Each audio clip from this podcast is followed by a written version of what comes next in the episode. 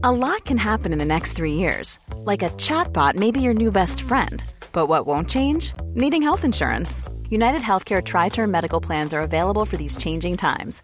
Underwritten by Golden Rule Insurance Company, they offer budget friendly, flexible coverage for people who are in between jobs or missed open enrollment. The plans last nearly three years in some states, with access to a nationwide network of doctors and hospitals. So, for whatever tomorrow brings, United Healthcare Tri Term Medical Plans may be for you. Learn more at uh1.com. There's never been a faster or easier way to start your weight loss journey than with PlushCare. PlushCare accepts most insurance plans and gives you online access to board-certified physicians who can prescribe FDA-approved weight loss medications like Wigovi and Zepbound for those who qualify.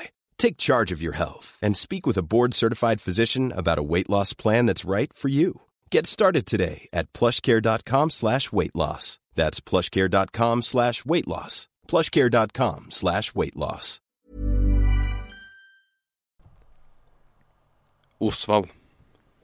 Ja, far. Far. Jeg har jo aldri kjent noe til far. Jeg husker ikke annet om ham enn at han en gang fikk meg til å kaste opp. Fru Alving. Dette er forferdelig å tenke seg. Skulle ikke et barn føle kjærlighet for sin far allikevel? Osvald. Når et barn ikke har noe å takke sin far for, aldri har kjent ham, holder du virkelig fast ved den gamle overtro, du som er så opplyst?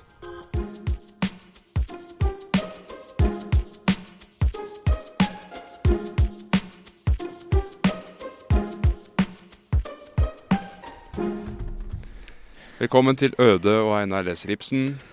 Vet du hva som er helt sykt av det? Nei, hva er sykt? Altså, Jeg satt i dag tidlig og titta over det her en gang til, og så tenkte jeg hva skal jeg lese hvis det er jeg som åpner i dag? Så akkurat det sitatet jeg fant. Oi. Så du Det er interessant, fordi jeg tenkte jo da jeg valgte det ut, at dette er noe uortodoks. Ja. Nei, det var akkurat det sitatet jeg hadde tenkt å lese. Du verden. Fordi det naturligste ville jo vært øhm, å lese opp denne talen til fru Alving i første akt, Ja. hvor hun snakker om gjengangere og Jeg tror det er en gjenganger i oss alle og alt det der. Mm. Men jeg syns på en måte at denne her var litt dypere og litt mer sånn Hva skal man kalle det? Konfronterende. Mm.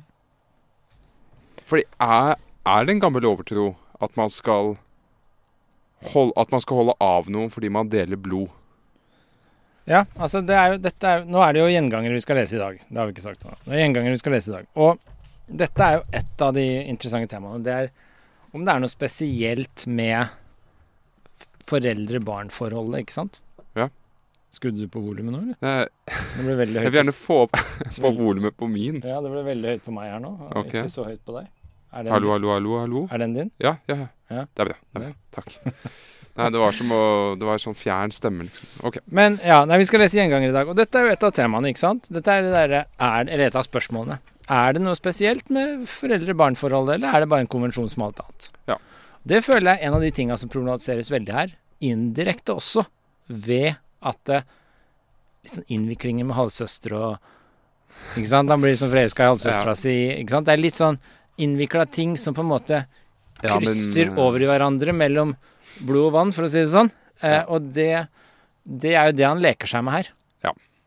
Og eh, ikke minst um, Ja, hvem som er ekte barn og ikke. Og eh, jeg må jo først si at vi snakket jo om det sist eh, med et dukkehjem.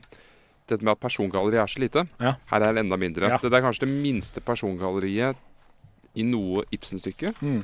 Det er Og det er kort. Det er én, to, tre, fire, fem personer bare. Og det er bare tre akter. Mm. Og Var ikke det befriende? jo. Og jeg, jeg må si at dette er, efter min mening, det beste stykket så langt. Helt enig. Ja. Dette er det beste jeg har lest hittil. Det er utrolig tight. Det er så stramt, Ja. og, og figurene lever Jeg er helt enig. så mye. Og det er så mange ting mellom linjene her. Og du vet, jeg mener jo at Dette har jeg lært av min far, at alle store mestere er på sitt beste når de er minst seg selv. Mm. Og vi har jo lest en del nå. Det er liksom, det er ting som går igjen. Det er denne polariteten mellom vilje og evner. Mm. Det er også dette med polariteten mellom å virke eller å ikke virke. Det er mange sånne ting. Eh, jeg opplever ikke at det er så mye av det her. Han, det er litt mindre sånne ibsenske fetisjer, og bare et sabla godt stykke. Mm. Men det er jo det der interne borgerlige konflikten i en familie. Den går igjen. Den er jo ganske ibsensk. Ja. Senere Ibsen, da. Ja, man Men- krystalliserer den Ja. på en måte. Jeg er enig i at dette er et veldig tight og godt stykke også. Og ja, ikke kjedelig et øyeblikk. Nei. Selv om det er så lite som foregår.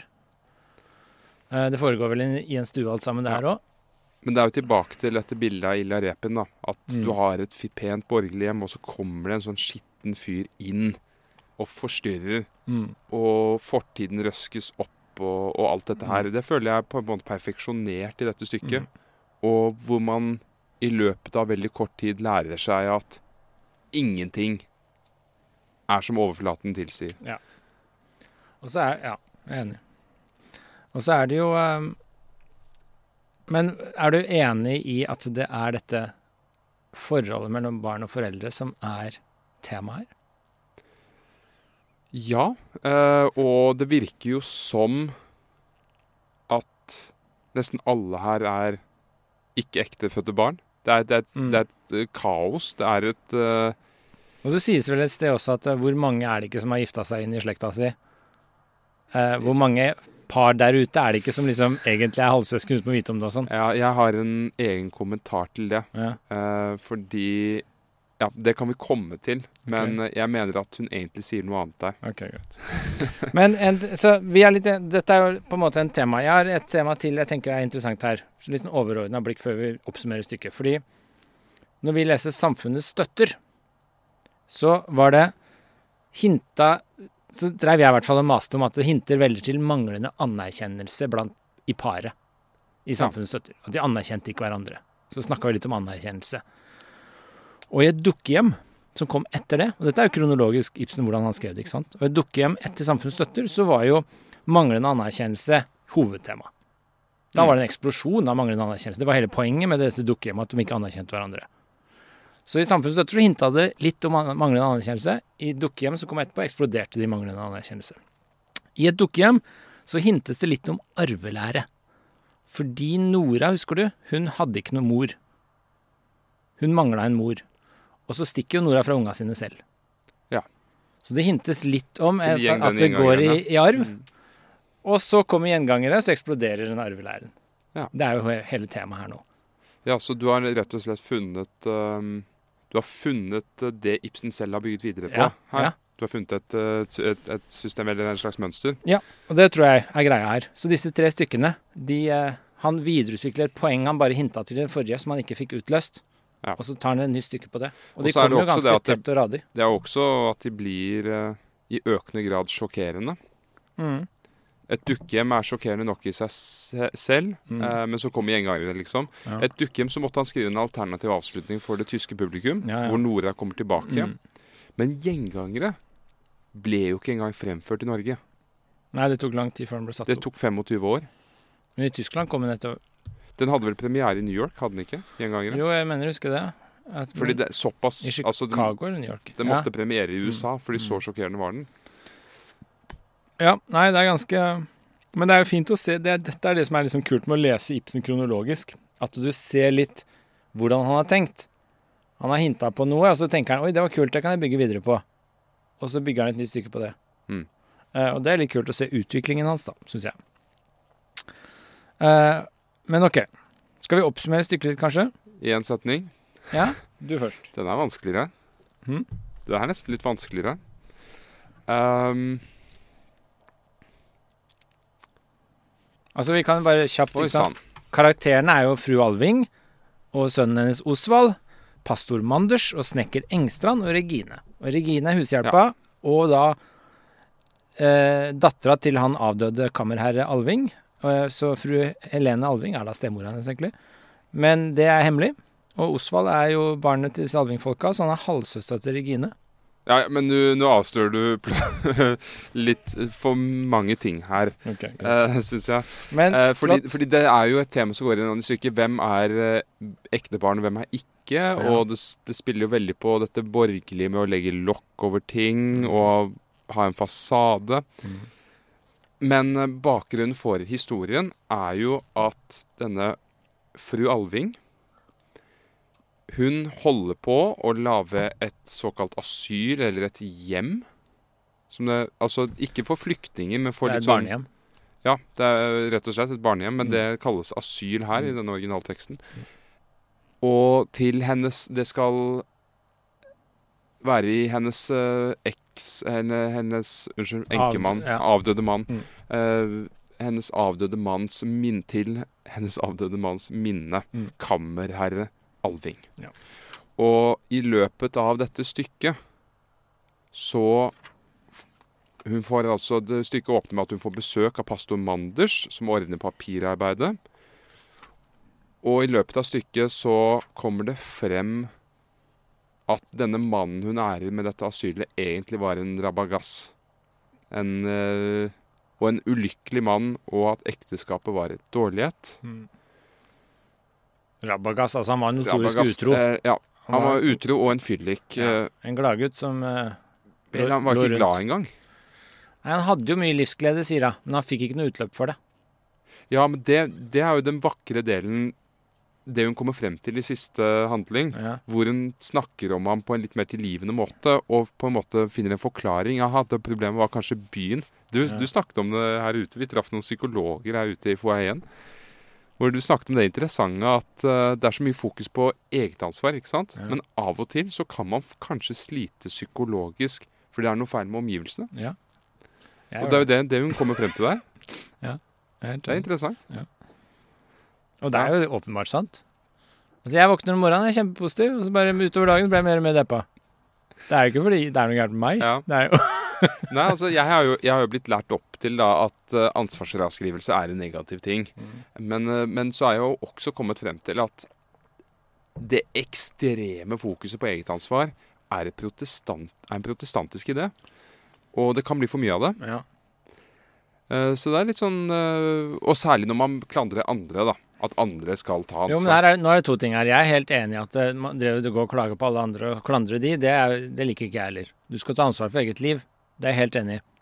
Men det betyr ikke at omgivelsene ikke kan være grunnen til at du har det kjipt. Eh, selv om du må ta ansvar for at det blir bedre. Ja. Slik at det, hvis du, ansvaret er vårt eget. ja, så hvis du ser rundt deg og tenker dette er jo bare dritt, og så kan du velge å gjøre to ting, da. Da kan du velge å skylde på alle andre og så bare grave deg ned.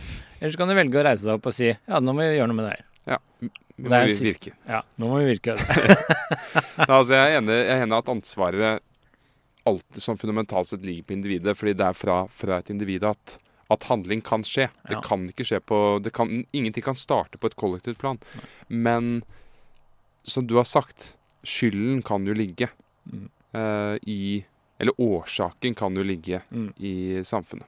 Årsaken er kanskje bedre. Ja. Mm. Men, uh, Men du er, langt, du er langt over en setning på oppsummeringen ja, jeg vet, Gjengangere er litt vanskeligere å oppsummere i én setning, men jeg syns egentlig at Ibsen har oppsummert det best i innholdsfortegnelsen her.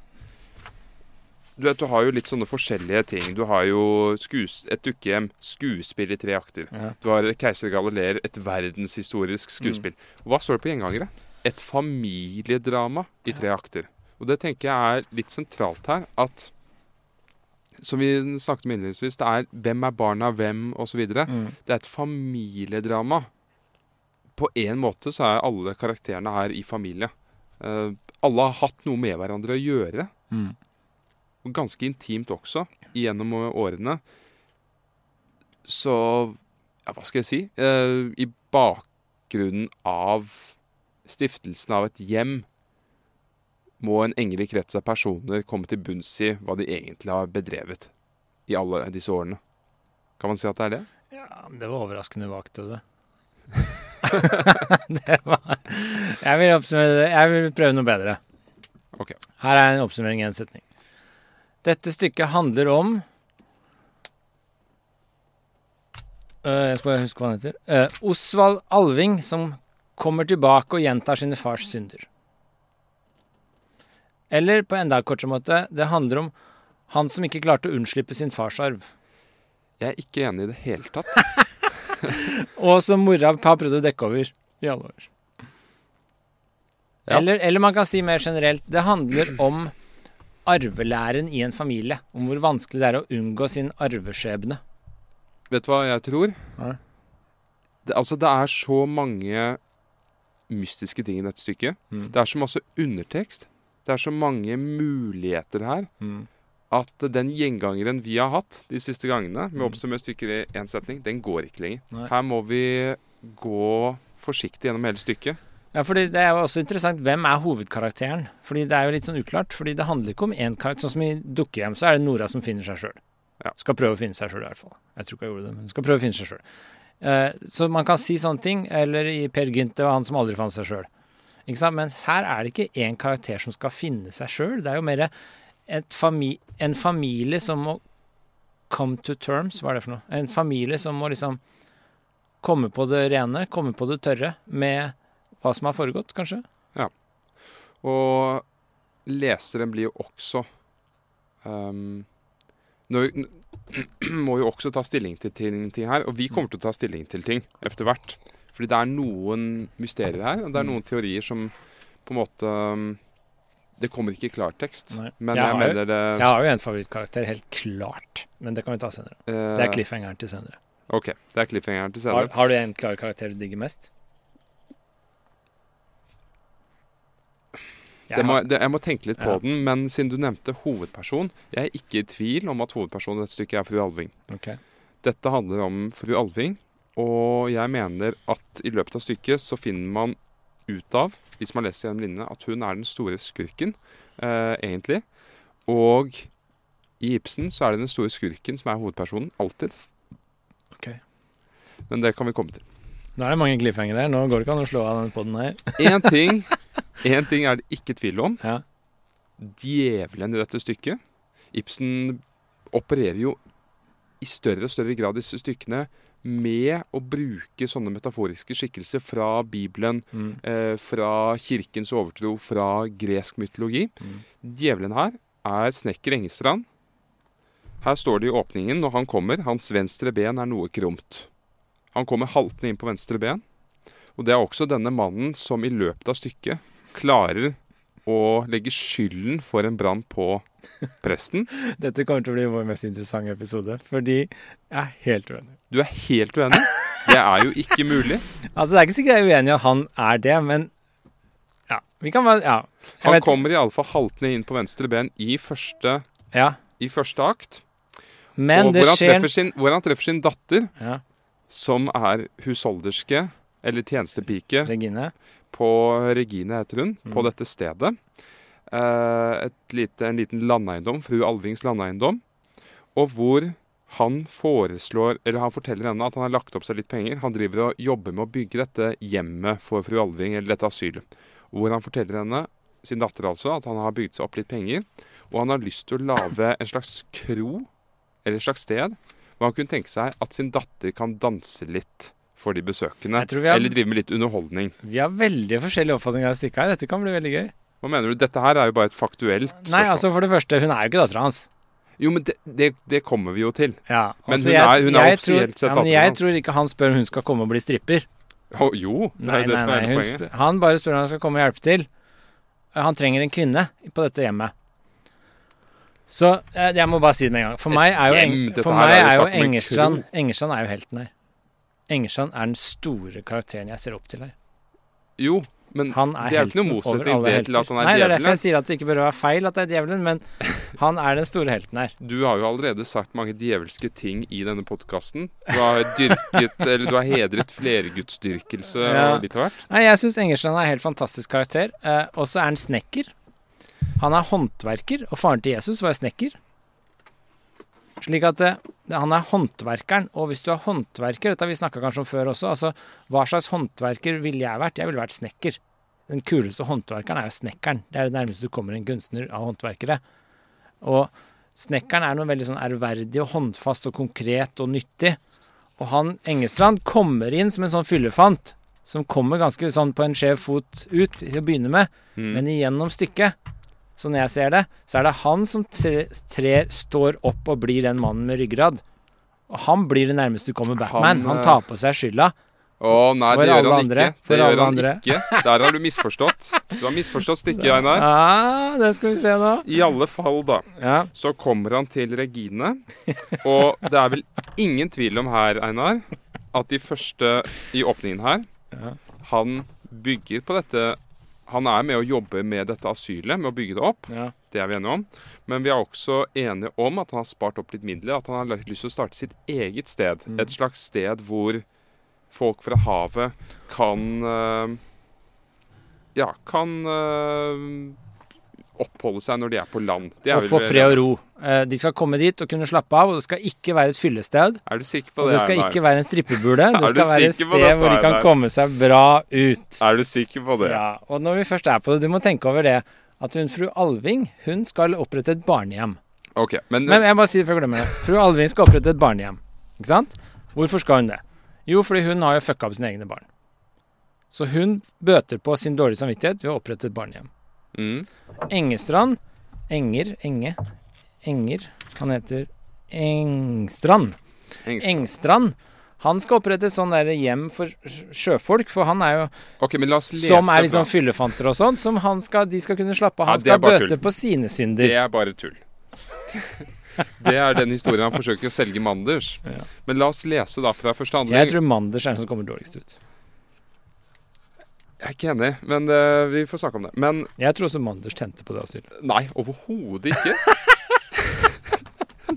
Ok, greit. Nå, Ok, men vi kommer til det. Uh, Engstrand sier til sin datter Regine i første handling uh, Jo, jo, jo, ser du. Så hadde jeg tenkt å sette de pengene han har spart opp, altså, i noe som kunne lønne seg. Mm. Lønne seg er stikkord her, Einar. Mm. Han ville at det skulle lønne seg. Det skulle være som en slags bevertning for sjøfolk. Og så sier hans datter Regine uff da. Så sier Engstrand en riktig fin bevertning, skjønner du. Ikke slikt noe svineri for matroser. Nei, død og pine. Det skulle være for skipskapteiner og styrmenner og riktig fine folk. Skjønner du? Og sier Regine Og så skulle jeg Engstrand. Du fikk hjelpe til, ja. Bare så for et syns skyld, kan du vel tenke. Du skal faen ikke få det svært, barnet mitt. Du kan få det raskt som du vil ha det. Ja vel, ja, sier Regine. Engstrand, men fruetime må det være i huset. Det er greit som dagen. For om kvelden skal vi jo ha det litt morsomt med sang og dans og slikt noe. Du må sanse på det er veifarende sjømenn på verdens hav. Og så kommer han nærmere Regine. Vær nå ikke dum og stå deg selv i veien. Regine, hva kan, hva kan det bli til med deg her ute? Kan det nytte deg til noe at fruen har kostet lærdom på deg? Du skal jo passe på ungene på nye asylet, hører jeg. Er det noe for deg? Har du slik glupende lyst til å gå og slite deg helseløs for de skitne ungers skyld? Så her sier han da altså at han trenger henne, og det blir jo litt dans på kvelden. Hva sier du til det, Einar? Jeg syns du er en meget kynisk og litt sånn dirty tolkning av det som foregår her. Det er jo altså- han som er kynisk. Nei, han trenger bare en fruentimer. Altså, du kan ikke ha et hjem uten en fruentimer. Det er bare å gå- Kom hjem til meg og se hvordan det ser ut. Du trenger en fruentimer. Ja, dette, denne disputten får eh, våre lyttere mm, løse for oss. Så jeg tror at eh, Jeg er foreløpig ikke overbevist, men det som skjer med Engstrand, er at han begynner I første linjen og sånn, så kommer han jo å bli introdusert som litt sånn fyllefant. Men karakterskiftet hans underveis i stykket er jo at det er han som står opp som den hederlige og redelige mannen, som tar på seg det ansvaret og den skylda så for, på vegne av andre. Så han har jo mye sterkere karaktertrekk enn de andre. Men så Så jeg ser ikke noe sånn luksus, så, luksusprostituert horehus her som du gjør også. Så begynner de å snakke litt om ja, Det er litt sånn direkte sånn familiegreier at hun vil ikke flytte inn med ham, og, og så videre og så videre. Mm. Og så kommer hun Så sier han det ville nok ikke være lenge før det kom en styrmann. Ja, kanskje kaptein. Han hinter til at hun kanskje vil gifte seg. Liksom. Mm. Så sier hun Det ville han ikke gjort hvis hun bare Regine. skulle ha til å danse, vet du. jeg vil ikke gifte meg med slik noen. Sjømennene har ingen savoir vivre. Og Det er forresten et tema for seg selv at du kommer med franske uttrykk. Mm. Så svarer Engstrand hva har de ikke for noe? Regine jeg kjenner sjømennene, sier jeg. Det er ikke folk til å gifte seg med. Og så sier Engstrand så la bli å gifte deg med dem. Det er ikke Det det kan lønne seg likevel. Og så kommer han nærmere fortrolige. Han eh, engelskmannen, han med lyskutteren, Han ga 300 spesidaler, han. Og hun var ikke vakrere enn du. Og da blir Regine sint. Ut med deg, sier hun. Og det han refererer til der, det kommer man til senere i stykket. Nemlig det at hennes uh, mor Mm. ja, var sammen med en engelskmann, og han fikk 300 spesidaler. Det lønte seg, sier han. Så denne forklaringen han kommer med senere, om at nei, alle de pengene gikk til Regines sin oppdragelse, den tror ikke jeg et sekund på, Einar. Dette her er en kynisk fyr. Jeg er ikke, jeg eh, er ikke overbevist i det hele tatt. Det er veldig interessant. At Han vi- spiller Han spiller i helsike. Han spiller dum og spiller ydmyk. Nei, nei, nei. Jo. Du, ja, men det du har gjort nå, er å lese deg fast på begynnelsen, hvor Ibsen introduserer han som det.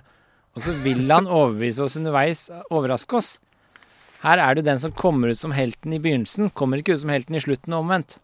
Nei, dette må vi uh, Ja. løse. Ja, det er interessant. Jeg, foreløpig en knapp Jeg holder en knapp på Engstrand. Engstrand. Han er den sterkeste karakteren her. Ja, Men jeg likte jo Judas i. Bibelen og, og Kain i Mosebøkene også, så jeg vet ikke. Ja, ikke sant. Jeg har en tendens til å like de. Men hvis vi kan gå videre, da, så sier de ha det. Men nå går du veldig kommer- detaljert til verks gjennom hele hele vi, vi må okay. det. Vi ja, må det. ok. Greit. Eller vi kan jo ta de sentrale tingene, da. Pastor Manders kommer så forbi, for han skal snakke med fru om dette hjemme. Mm. Og så flørter han, eh, han og Regine litt. Det må vi jo være enige om. Ja, altså Jeg syns pastor Manders kommer dårlig ut på alle fronter. Å nei. Han, kommer- han flørter med Regine, han har vært ganske sånn derre Han er en flørtepus. og, og hun fru Alving har jo kasta seg til henne en gang, og da bare avviste han hender. Å nei. Han avviste henne ikke. Nei, så jeg, Ikke helt. jeg syns kanskje at han kommer dårlig ut. Og han tenner på asylet. Nei, det gjør han ikke. Det gjør han ikke. Og i tillegg til at han tenner på asylet, så, Nei, nei, nei. så nei, tror jeg han nei, nei. gjør det for liksom eh, Fordi og- Men Einar, ja. du, du Han gjør Du har ikke lyttet til underteksten. Det er ikke det han Det det jeg har gjort. Det Men er- ok, det er jo det er slutt. overteksten. Men la, når du bare prater inn i teksten, la meg oppsummere hele greia litt. Grann. Ja. Det er jo det at de begynner i dette hjemmet. eh, de skal bygge dette asylet. Kommer pastor Manders, og så viser det seg sakte, men sikkert at eh, fru Alving hun eh, var jo gift med gamle Alving, og han var en løssluppen kar. Så han drev og klådde på tjenestepika. Egentlig voldtok henne, merka du det? Det var en regelrett voldtekt. Det var vel noe i nærheten av det. Ja. Så han voldtok, vil jeg si, i god gammel forstand, den eh, tjenestepika. Hun ble gravid, fødte Regine. Ja. Og den Regine som bor i huset her nå Og Regine, hun ble Og det, dette var jo skandale, selvfølgelig. Så dette måtte bare dysses ned, som fru Alving sier. Og da avtalte de at han Engstrand skulle ta på seg farsrollen der og si det var han. Mm. Eh, og eh, han gikk til presten og sa det var jeg som har fått denne Regine utenom ekteskap, og de gifta seg med mora. Og så ble det arrangert som at det var de som var foreldra, men egentlig var det herr Alving. Så vokste Regine opp som husholderske i hjemmet til fru Alving, og mora døde. Og Engstrand han er litt sånn drukkenboltsnekker. Og så kommer det frem for en dag at uh, presten visste heller ikke det, men han får vite at uh, Engstrand ikke er faren Mm. men det er herr Alving. Og så kommer Osvald hjem fra Han er maler, han skal bli maler, sånn som det er jo det. Ja. Så han skal bli maler i utlandet, farer rundt og er stor, lever flott i Paris og sånn. Han kommer hjem igjen og viser seg at han er litt syk. Jeg tipper det er syfilis. Mm. Eh, kommer han hjem igjen, eh, og så begynner han plutselig å klå på Regine inne i spisestua. Og så står fru Alving og Manders og hører det. Og da er det gjengangere. For da gjør han akkurat som faren sin, ikke sant? Ja. Men så oppdager de at de er halvsøsken, og så da stikker Vel, de da, oppdager ikke det, men de blir fortalt det. De da. blir fortalt det av mora, og Ja. da stikker Regine på timen. Eh, Osvald blir igjen, Regine stikker, og så kommer presten inn igjen litt frem og tilbake, og så viser det at eh, asylet som presten jobber på, han, det brenner ned. Det kan vi komme til da, akkurat hvordan det skjer. Eh, Mm. Det brenner ned, og så vil Osvald at eh, moren skal hjelpe ham med å ta livet av han til slutt. Ja. Det er plottet. Det er fint. Da har vi kommet oss gjennom det, endelig. Men uh, jeg vet ikke når jeg skulle si dette her, men Nei. det er jo Det Så- kan jo en gang komme for en dag. Ja. Denne histo- bakgrunnshistorien med Engstrand sjokkerer jo pastor Manders mm. veldig. Jeg trodde du skulle avsløre noe om deg selv ennå. Nei, det, det kommer vi til også, kanskje. Men eh, Og fordi han ble jo betrygget av Engsland i sin tid, at det var hans barn. Mm. Men det var jo fasadespill, Ja. som vi vet. Men Osvald og Regine får aldri beskjed om at de er halvsøsken. Nei. De gjør ikke det. De får bare beskjed om denne historien med at Regine er datter. Det er din telefon. Dette er min telefon, ja. Det er pinlig. altså, de får ikke direkte beskjed om det, de får bare beskjed om at hun tilhører huset som Osvald. Er jo det det sier. De får bare beskjed om at Regine er datter av kammerherre Alving. Ja, det er ikke Men- det engang. Det står bare 'hun tilhører huset som Osvald'. Det er alt som sies. Ja. Ok, Det er det fru Alving sier. men da er det jo relativt direkte. Men det, men det som var avsløringen jeg jeg skulle Ja. si, som er ganske sentralt, Mm. er jo at Osvald er ikke sønn av kammerherre Alving. Oh my god, er det sant? Han er sønn av Manders. Det er jo det som er hele poenget her. Jeg visste at du kom til å komme med et eller annet sånt. Dette, men altså, ikke sant? Dette står ikke i klartekst i stykket, Nei. men det er et ganske sentralt poeng. Men og, som akademiker må jeg be om belegg her. Ja, og nå kommer belegget. Mm. Det er flere. Jeg liker dine litt sånn konspiratoriske Men det er ikke konspiratorisk. Ok. Når Osvald først kommer ned og treffer Manders, altså. Mhm. pastor Manders og fru Alving, så kommer han Er ned. det noe du har funnet ut, eller er det velkjent teori vi snakker om nå? Er Jeg har snakket med, om, mm, sammen med flere. Ja. uh, så hvor velkjent det er, det vet jeg ikke. Men det burde være ganske opplagt. Okay. Osvald kommer nedover. Eh, og så sier pastor Anders Nå tilforlatelig eh, Nei, vent litt, jeg må hoppe litt. Fordi de babler litt. Der, ja. Pastor Anders sier «Hå! Aha, der har vi det altså. Fru Alving Hvilket? Pastor Anders, Da Osvald kom der i døren med pipen i munnen, var det som jeg så hans far, lys levende. Osvald. Nei, virkelig. Fru Alving. Og hvor kan de dog si det? Osvald slekter jo på meg. Pastor Anders. Ja, men det er et drag ved munnvikene, noe ved lebene som minner så grangivelig om Alving. Iallfall nu han røker. Fru Alving. Aldeles ikke. Osvald har snarere noe prestelig ved munnen, syns jeg. Der har vi første hint. Ja. Liten, Nei, men ganske enig, tydelig. Jeg er enig, enig at det er Så hun hinter deg til at eh, nei, det er noe prestelig ved ham. Interessant. Og så For, kommer for vi Manders vet ikke det her. Nei, Han Manders tror det er. Alving, ikke sant? Ja. Eh, men så kommer vi videre. Mm.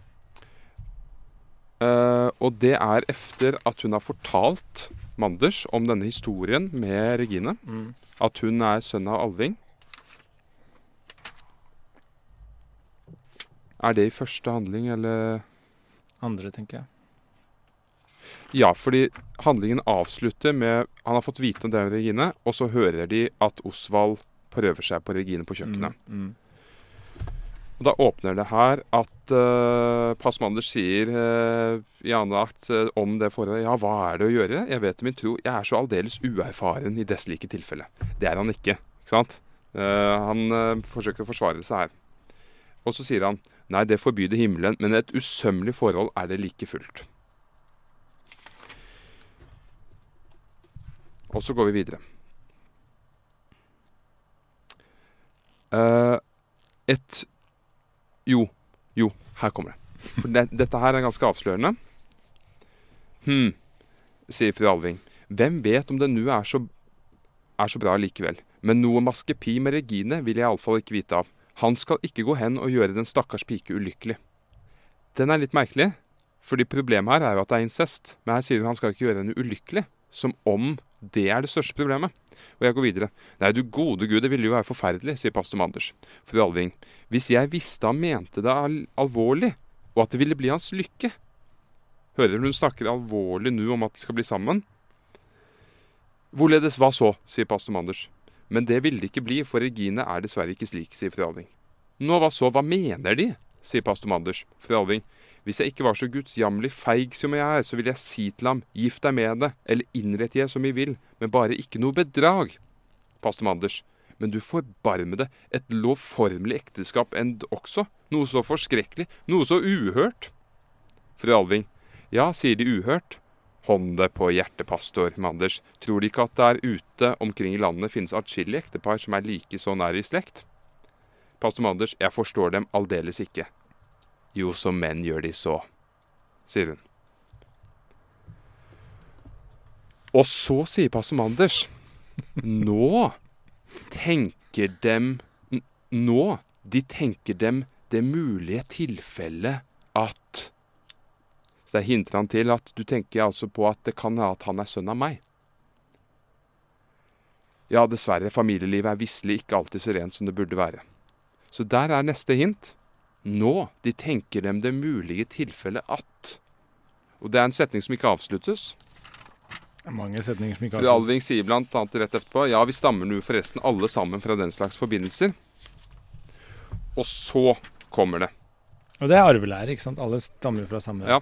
Og nå kommer, nå kommer det mest tydelig. Hvor er du nå? Nå er jeg nederst på side 577. Oi, Det er midt i andre akt. Ok, ja.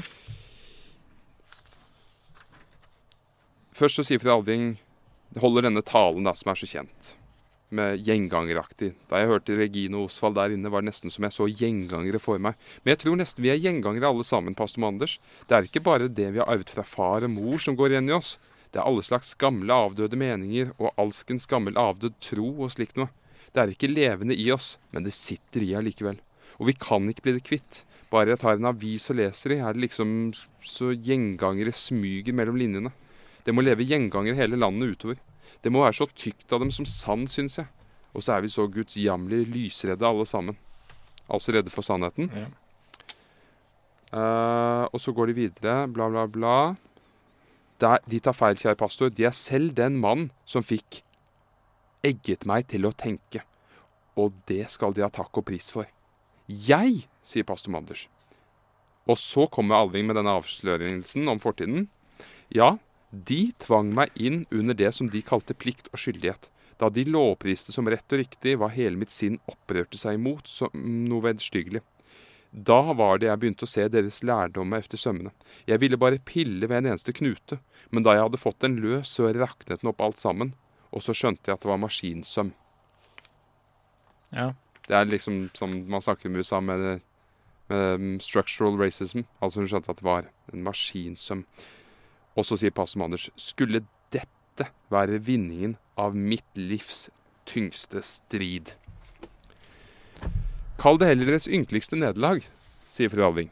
Pastor Manders, det var mitt livs største seier, Helene. Seieren over meg selv. Så nå er han på fornavn plutselig. Mm. Det var en forbrytelse imot oss begge, sier fru Alving. Pastor Manders, at jeg bød dem og sa, kvinne, gå hjem til deres lovlige husbond, da de kom til meg forvillet og ropte, her er jeg, ta meg, var det en forbrytelse? Ja, jeg synes det. Vi forstår ikke hverandre, sier pastor Manders. Ikke nå lenger, iallfall. Aldri, aldri i mine lønnligste tanker en gang har jeg sett dem annerledes enn som en annen ektefelle. Fru Alving, ja, tro det. Helene. Og jeg har lyst til å kommentere dette navnet med Helene. Hvor kommer det navnet fra? Er det den romerske Helene du tenker på? Helen som blir røvet av Paris til Ja. Troja. Ja, altså den gamle greske Hun ble røvet av pastor Manders. Hele Hvem er Helene? Det er fru Alving? Ja. Hun ble røvet av pastor Manders. Og Osvald er hans sønn. Det er noe prestelig ved munnen hans. Ok. Eh, og et annet sted i stykket så kommer det frem litt Litt efter det her så kommer det frem når Josfa ble født. Og det er om lag ni måneder etter dette Ja. Eller iallfall under et år, da. Efter dette tilfellet med Manders. Hvor hun var borte hos ham og ville bli sammen med ham. ok. Og dette forandrer jo ting ganske betraktelig. Men altså, det er et, ok, nå har du holdt din tale om det her. Ja. Veldig bra. Det er interessant. Jeg sier ikke at det ikke er interessant. Nei. Det er jo eh, Det er som en sånn eh, engasjert eh, Det høres slem ut, men for å være litt morsom, da. Det er en sånn engasjert bacheloroppgave som finner noe veldig tynt, som den utvikler til en stor greie. Eh, fordi det er jo litt tynt. Dette er helt tydelig. Tror, Det er ikke tynt for her hele er problemet med det. Her er mot... mot. Det er eh, noe prestelig over ja, men her er motbelegget. Jeg, jeg tipper at Ibsen har lagt inn det her for å lage litt sånne artige ting. Nå kommer jeg til poteten i åkeren, uh, Einar. ja, okay. Det ta det tydeligste. Ta det først, da. Ja. Og det er siste handling. Når eh, hjemmet har brent ned, Ja. og Engestrand beskylder Manders for å ha tent på. Ja. Når han kommer inn, Regine sier 'Hva er det for noe?' 'Å, det kom av den her andakten, ser du.' Og så står det 'sakte', sier han til Regine. 'Nu har vi gjøken, barnet mitt'.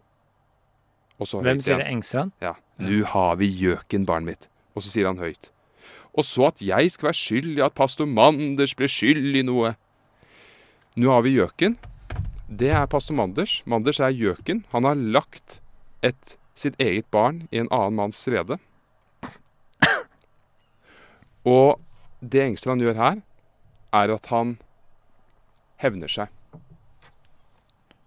Hevner seg på både kammerer Alving, som lagde den bastardbarnet Regine, og hevner seg på Manders, som lagde bastardbarnet Osvald. Ja, hvorfor skal- har hvorfor vi skal- mitt. Hvorfor skal. Engstrand hevne seg på det? Hvorfor han skal hevne seg på dem? Det er fordi han er djevelen. Han er motstandsfiguren mot dette kristne fasadespillet.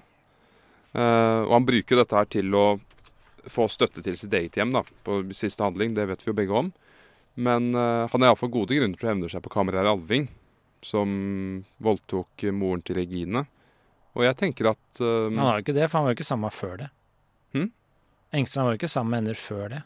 Har man ikke grunn til å hevne voldtekt like Jo, jo, men da må det bare på generelt grunnlag, da. Han har ikke noe personlig investert. I alle fall de som er motstandere Mm. av teorien om at Osvald er sønn av Manders, Ja. de må forklare denne uttalelsen. Nu har vi gjøken, barnet mitt. Ja. Hva skal det ellers bety? Ja, men altså, Problemet mitt med den teorien her Det er veldig interessant teori også. Ja. Nå skal jeg bare være litt vanskelig for å være vanskelig. Men ja, ja, problemet mitt med den teorien her er at det det Det tar jo på en måte uh, Altså det, det, Noe av det du sa, for eksempel. da, Tenk på nå, Sånn som du fremstiller det nå, så blir jo uh, fru Alving mora til både Osvald og Nei, ikke Regine, nei. Nei, bare Osvald. Ja, selvfølgelig. For hun blir ikke halvsøsken, da. Nei. Mm. Nei. Jeg må tenke litt på det. Men iallfall hos Ibsen så betyr jo alt noe. Så Ja. gjøken her betyr noe. Men jeg tripper da, hvis jeg skal være sånn kjempefornuftig, så tipper jeg at eh, Ibsen har jo lagt inn tvetydighet her med vilje, ikke sant. Så, det, så plottet er jo slik at det, det handler om arvelære, det handler om at familien må komme på det tørre med hva som har foregått, og så hintes det om ved å Han ønsker jo i stykket, som vi sa til å begynne med, å problematisere familieforholdene, og om det er noe spesielt mellom blod eller vann, eller oppdragelse eller arv eller miljø, da. Om Mm. det er noe spesielt med det ene eller det andre. Og at det, arv, det går i arv. Eh, og hvis det som blir liksom problematisk med den teorien her, hvis Osvald er sønn til presten, er jo at det, han arver jo ikke noe fra Alving da. Og, så da arver han jo på en måte løssluppenheten til presten, da. Så arvelæren blir jo problematisk. For det som skjer når gjengangere, er at han kommer igjen og oppfører seg som sin far. Men så sier du ja, men det er ikke faren hans. Da bør han egentlig komme hjem og oppføre seg som presten, da. Jo, men jeg tenker at det er det som er så fantastisk her, at det er så mange mysterier her. Og Ja. som Osvald sier, den setningen jeg leste innledningsvis, hvor han sier til sin mor Tror du på de gamle overtroene? Ja. Det er også en sånn pekepinn på at moren misforstår gjengangere. Fordi det er ikke noe blod nødvendigvis Mm. i gjengangere. Det er en gammel overtro. Det er at sønnen nødvendigvis blir som far. Ja, ja. Men det er den som har opptrådt som far. Ellers så kan du si at han arver jo løssluppenheten til presten, for han var jo løssluppen han hvis han gjorde, Absolutt. gjorde hun Og gravid. stykket avslutter jo med at Regine skal dra til presten, til pastor Manders. Han tar nok imot meg, sier hun. Så hun skjønner jo hvor Som er hun han flørta med. For hun skjønner jo hvor løssluppen Manders egentlig er. Han er prest og sier mange flotte ting og sånn, men han er et menneske, han også. prester Altså Hvis du avlegger et sånn ed om å være pen og pyntelig, så er det jo nok et tegn på at man egentlig ikke greier å holde seg. Ja. Jeg skal tenke på det du sier. Jeg synes det er en interessant teori. Men kan jeg bare si hvordan jeg tolka det istedenfor? For å se, for å få kontrasten, da. Ja. Jeg tolka jo fru Alving som litt sånn litt sånn anarkist. Altså Fru Alving hun stiller spørsmål ved lover. Hun sier vel et sted at eh, hun tror kanskje det er lovene som gjør at alt blir så gærent. Mm. Og hun leser disse tekstene som presten ikke har noe sansen for. Og så sier, ja, hun til, og så sier presten liksom ja, du kan lese noe her inne, men du må ikke uttale det utad. Så presten representerer liksom det borgerlige overfladiske her. Og så sier fru Alving at eh, ja, men hva er din mening, sier hun til presten på et tidspunkt. Hun vil at presten skal mene noe, ikke bare liksom ta på seg det alle andre mener. Mm. Slik at eh, hun representerer en, en litt sånn Litt sånn free spirit-aktig greie. Ja. Eh, og for, Hun forsøker iallfall å bli en Ja. fri kvinne. og så tolka jeg den. Jeg leste det, og jeg leste jo dette mange ganger, så jeg burde jo fanga din alternative teori, men det gjorde jeg ikke. Men eh, så er det tol tolker jeg det sånn at presten, han avviste fru Alving. Og det var det som var sjelekvalen dem imellom, at han hadde også litt lyst. Men han avviste henne av plikt. Så når hun kasta seg til han, for hun var så ulykkelig i ekteskapet med herr Alving, så sendte han henne hjem igjen. Av plikt. For det er den kristne moralen, det er pliktlæren. Ja. Så hun, han sendte henne hjem av plikt, og da sier hun om disse helsikes pliktene, ikke sant. Og det er jo også en gjenganger som har gått igjen i de to siste stykkene i Samfunnets støtte og Dukkehjem. Det er den der forakten for plikt. Plikten er for Hitler, holdt jeg på å si nå, det mente jeg ikke. Ibsen. Plikten er for Ibsen roten til mye vondt.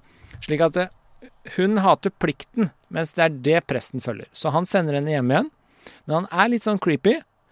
Eh, som flørter med alle, og liksom ville eh, egentlig flørte med henne òg, men flørte litt med Regine. Og så. Men også på slutten så tolker jeg det som at han brenner ned asylet. Fordi han Nå ble jeg litt usikker på hvorfor han gjorde det, men han brenner ned asylet fordi han eh, Han vil liksom brenne ned dette huset med alle dets uh, umoral, da. Uh, så han brenner ned det asylet. Han vil ikke ha noe minne etter herr Alving. Så han tenner på det asylet uh, med vilje. Så jeg tolka som presten brant med vilje. Og Engstrand, han snekkeren, han tar på seg dette denne lausungen Regine. Han tar på seg brannen for presten. Så Engstrand står frem som en håndverker som karaktermessig utvikler seg fra å liksom bli introdusert som en fyllefant, til en som tar på seg skylda for andre. Så han fremstår som en ganske sånn solid karakter, og han er håndverkeren som liksom er konkret. Sånn tolka jeg det. Ja, nei, jeg skjønner. Eh, Altså, det første du sier Og du kan ikke si det ikke jeg er en helt enig. tolkning. Dette er jo Nei, den jeg- mainstream-tolkningen. Nei, jeg er helt enig med Det, det, du har sier. plukka opp, er jo bitte små hint. Nei, nei. Uh, jeg er ikke enig i det. Uh, det du sier med at han sendte fru Alving hjem igjen pga. plikten, helt enig i det. Og det står ikke i motsetning til det jeg sier. Han kan ha likt med henne før han sendte henne hjem. Så um, den er grei. Men, men jeg vil jo si da at i tredje handling, det er det han gjør med pastor Manders, er jo opplagt det som kalles gaslighting. Hva er det egentlig? Altså, det, det uttrykket kommer fra dette teateret og filmen med samme navn fra 40-tallet, som het Gaslight. Som handler om at du, du gjør noe. Um, altså, du manipulerer noen til å Til å, til å Skal man si eh, Til å ikke tro på egne opplevelser. For det som skjer her, er at man merker tydelig at pastor Manders er oppriktig lei seg for at det har brent ned. Og Engstrand sier jo rett efter han har sagt 'Nu har vi gjøken, barnet mitt', sier han til sin datter. Så sier han 'Å, så at jeg skal være skyld i at pastor Manders ble skyld i slikt noe'. Pastor Manders, men jeg forsikrer dem, Engstrand. Så sier Engstrand, men det var jo ingen andre enn pastoren som regjerte med lysene der nede. Pastor Manders, ja, det påstår de, men jeg kan tilforlatelig ikke erindre at jeg hadde et lys i min hånd. Engstrand. Og jeg som så så grangivelig at pastoren tok lys og snøt det med fingrene og slengte tanen like borti høvleflisene. Pastor Manders. Og det så de på! Sånn, den er sentral der. Han, Han sier altså at han erindrer at han kastet det. Men hvis han så på det, hvorfor stoppet han det ikke? Så det er noe som er feil med Ja. forklaringen til Engsteland her. Men hvem var det som var der og holdt på å tenne på dagen før? Da hadde det også nesten begynt å brenne. Ja, da Engstrand var uforsiktig med fyrstikkene, sies det. Var det Ja, Engstrand som ja. var der da? Så Ja. presten var ikke der da? Nei. Regine sier jo det i første handling at uh, de, snak, de sies at Engstrand er uforsiktig med fyrstikker. Mm. Men er, dette er jo så tydelig det best- Og det er Fordi Pastor svarer jo Han husker ikke, og så sier han Og det så de på! Det beste Og så sier Engstrand Ja, det så jeg plent, det. Og så sier Pastor Manders Dette her er meg umulig å begripe. Det er ellers aldri min vane å pusse lys med fingrene. Og så engster han. Ja, det så ikke så fælt uvårent ut, gjorde det. Men kan det bli så rent farlig, her, pastor? Jeg syns det beste hintet som du har funnet, er vel eh, Er vel det litt prestelige, og så er det gjøken. Mm. Det er de to beste hintene, er det ikke det? Ja. Det andre er ganske tynt. Det andre bygger opp under Ja. det hvis man har, hvis man først har prøvd ut teorien. Ja. Så du må ha de. Men det som taler litt mot det, er kanskje at det blir jo Hvis det skulle stemme, da, så blir det jo litt sånn Jeg skjønner ikke helt hvorfor Engstrand skal drive og hevne seg, fordi han er jo ikke involvert i det hele tatt med noen av disse unga. Og så skjønner jeg ikke helt eh,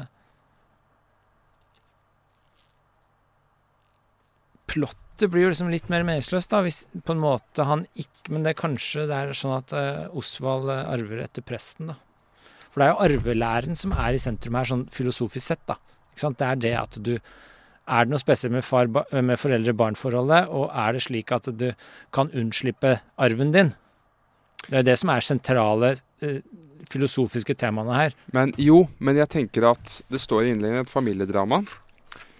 Hvis denne teorien stemmer, så er jo egentlig alle i stykket på en eller annen måte i slekt, bortsett fra Engstrand. Engstrand er denne utenforstående som kommer inn og skal tjene på denne familietragedien. Og F, det, er, altså det som skjer i tredje akt, er jo fullstendig absurd. Først så forsøker han å overbevise Manders. Jeg så jo at du kastet liksom fyrstikket der. Og problemet med den fortellingen er jo hvis han så det, hvorfor stoppet han det ikke? ikke sant? Det er problemet. Men så etterpå sier han Nei, jeg kan ta skylden på meg.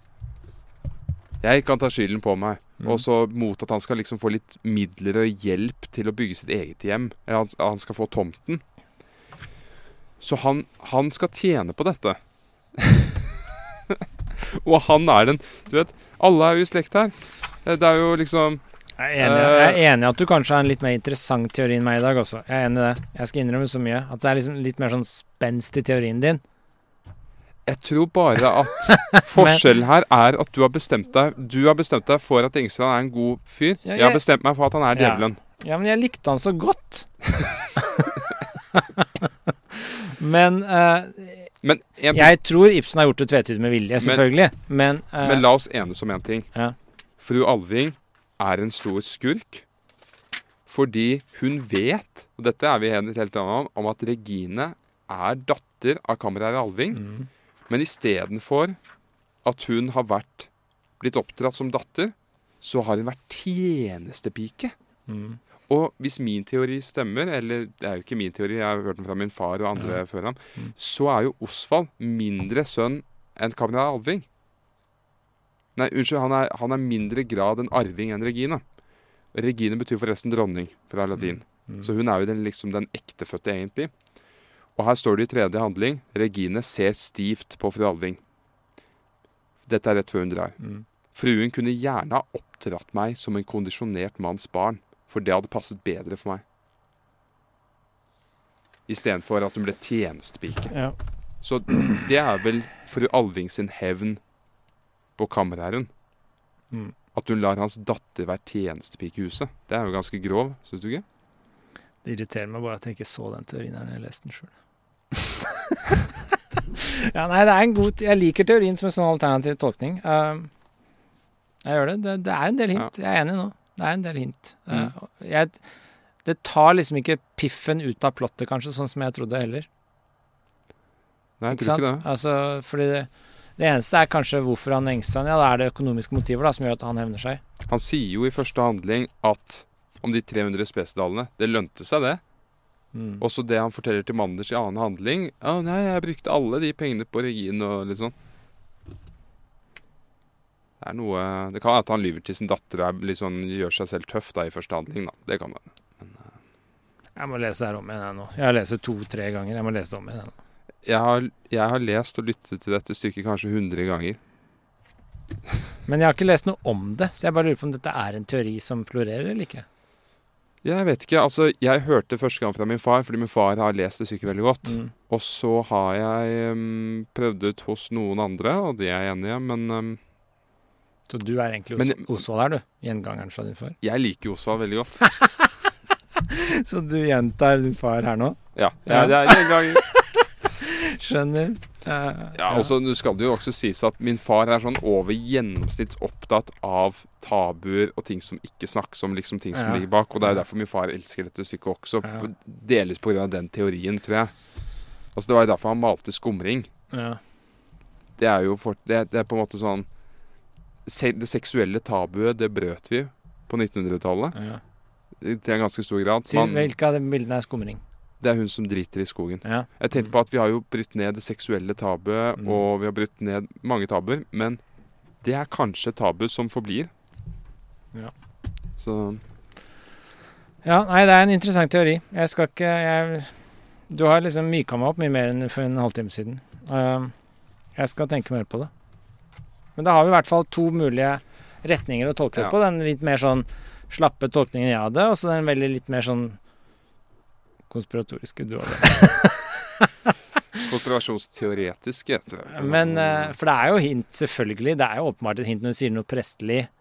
Så det er jo hint der. Og dette med gjøken. Ja, det er hint, men spørsmålet er er det hint nok til at vi skal tilte i den retningen, eller ikke?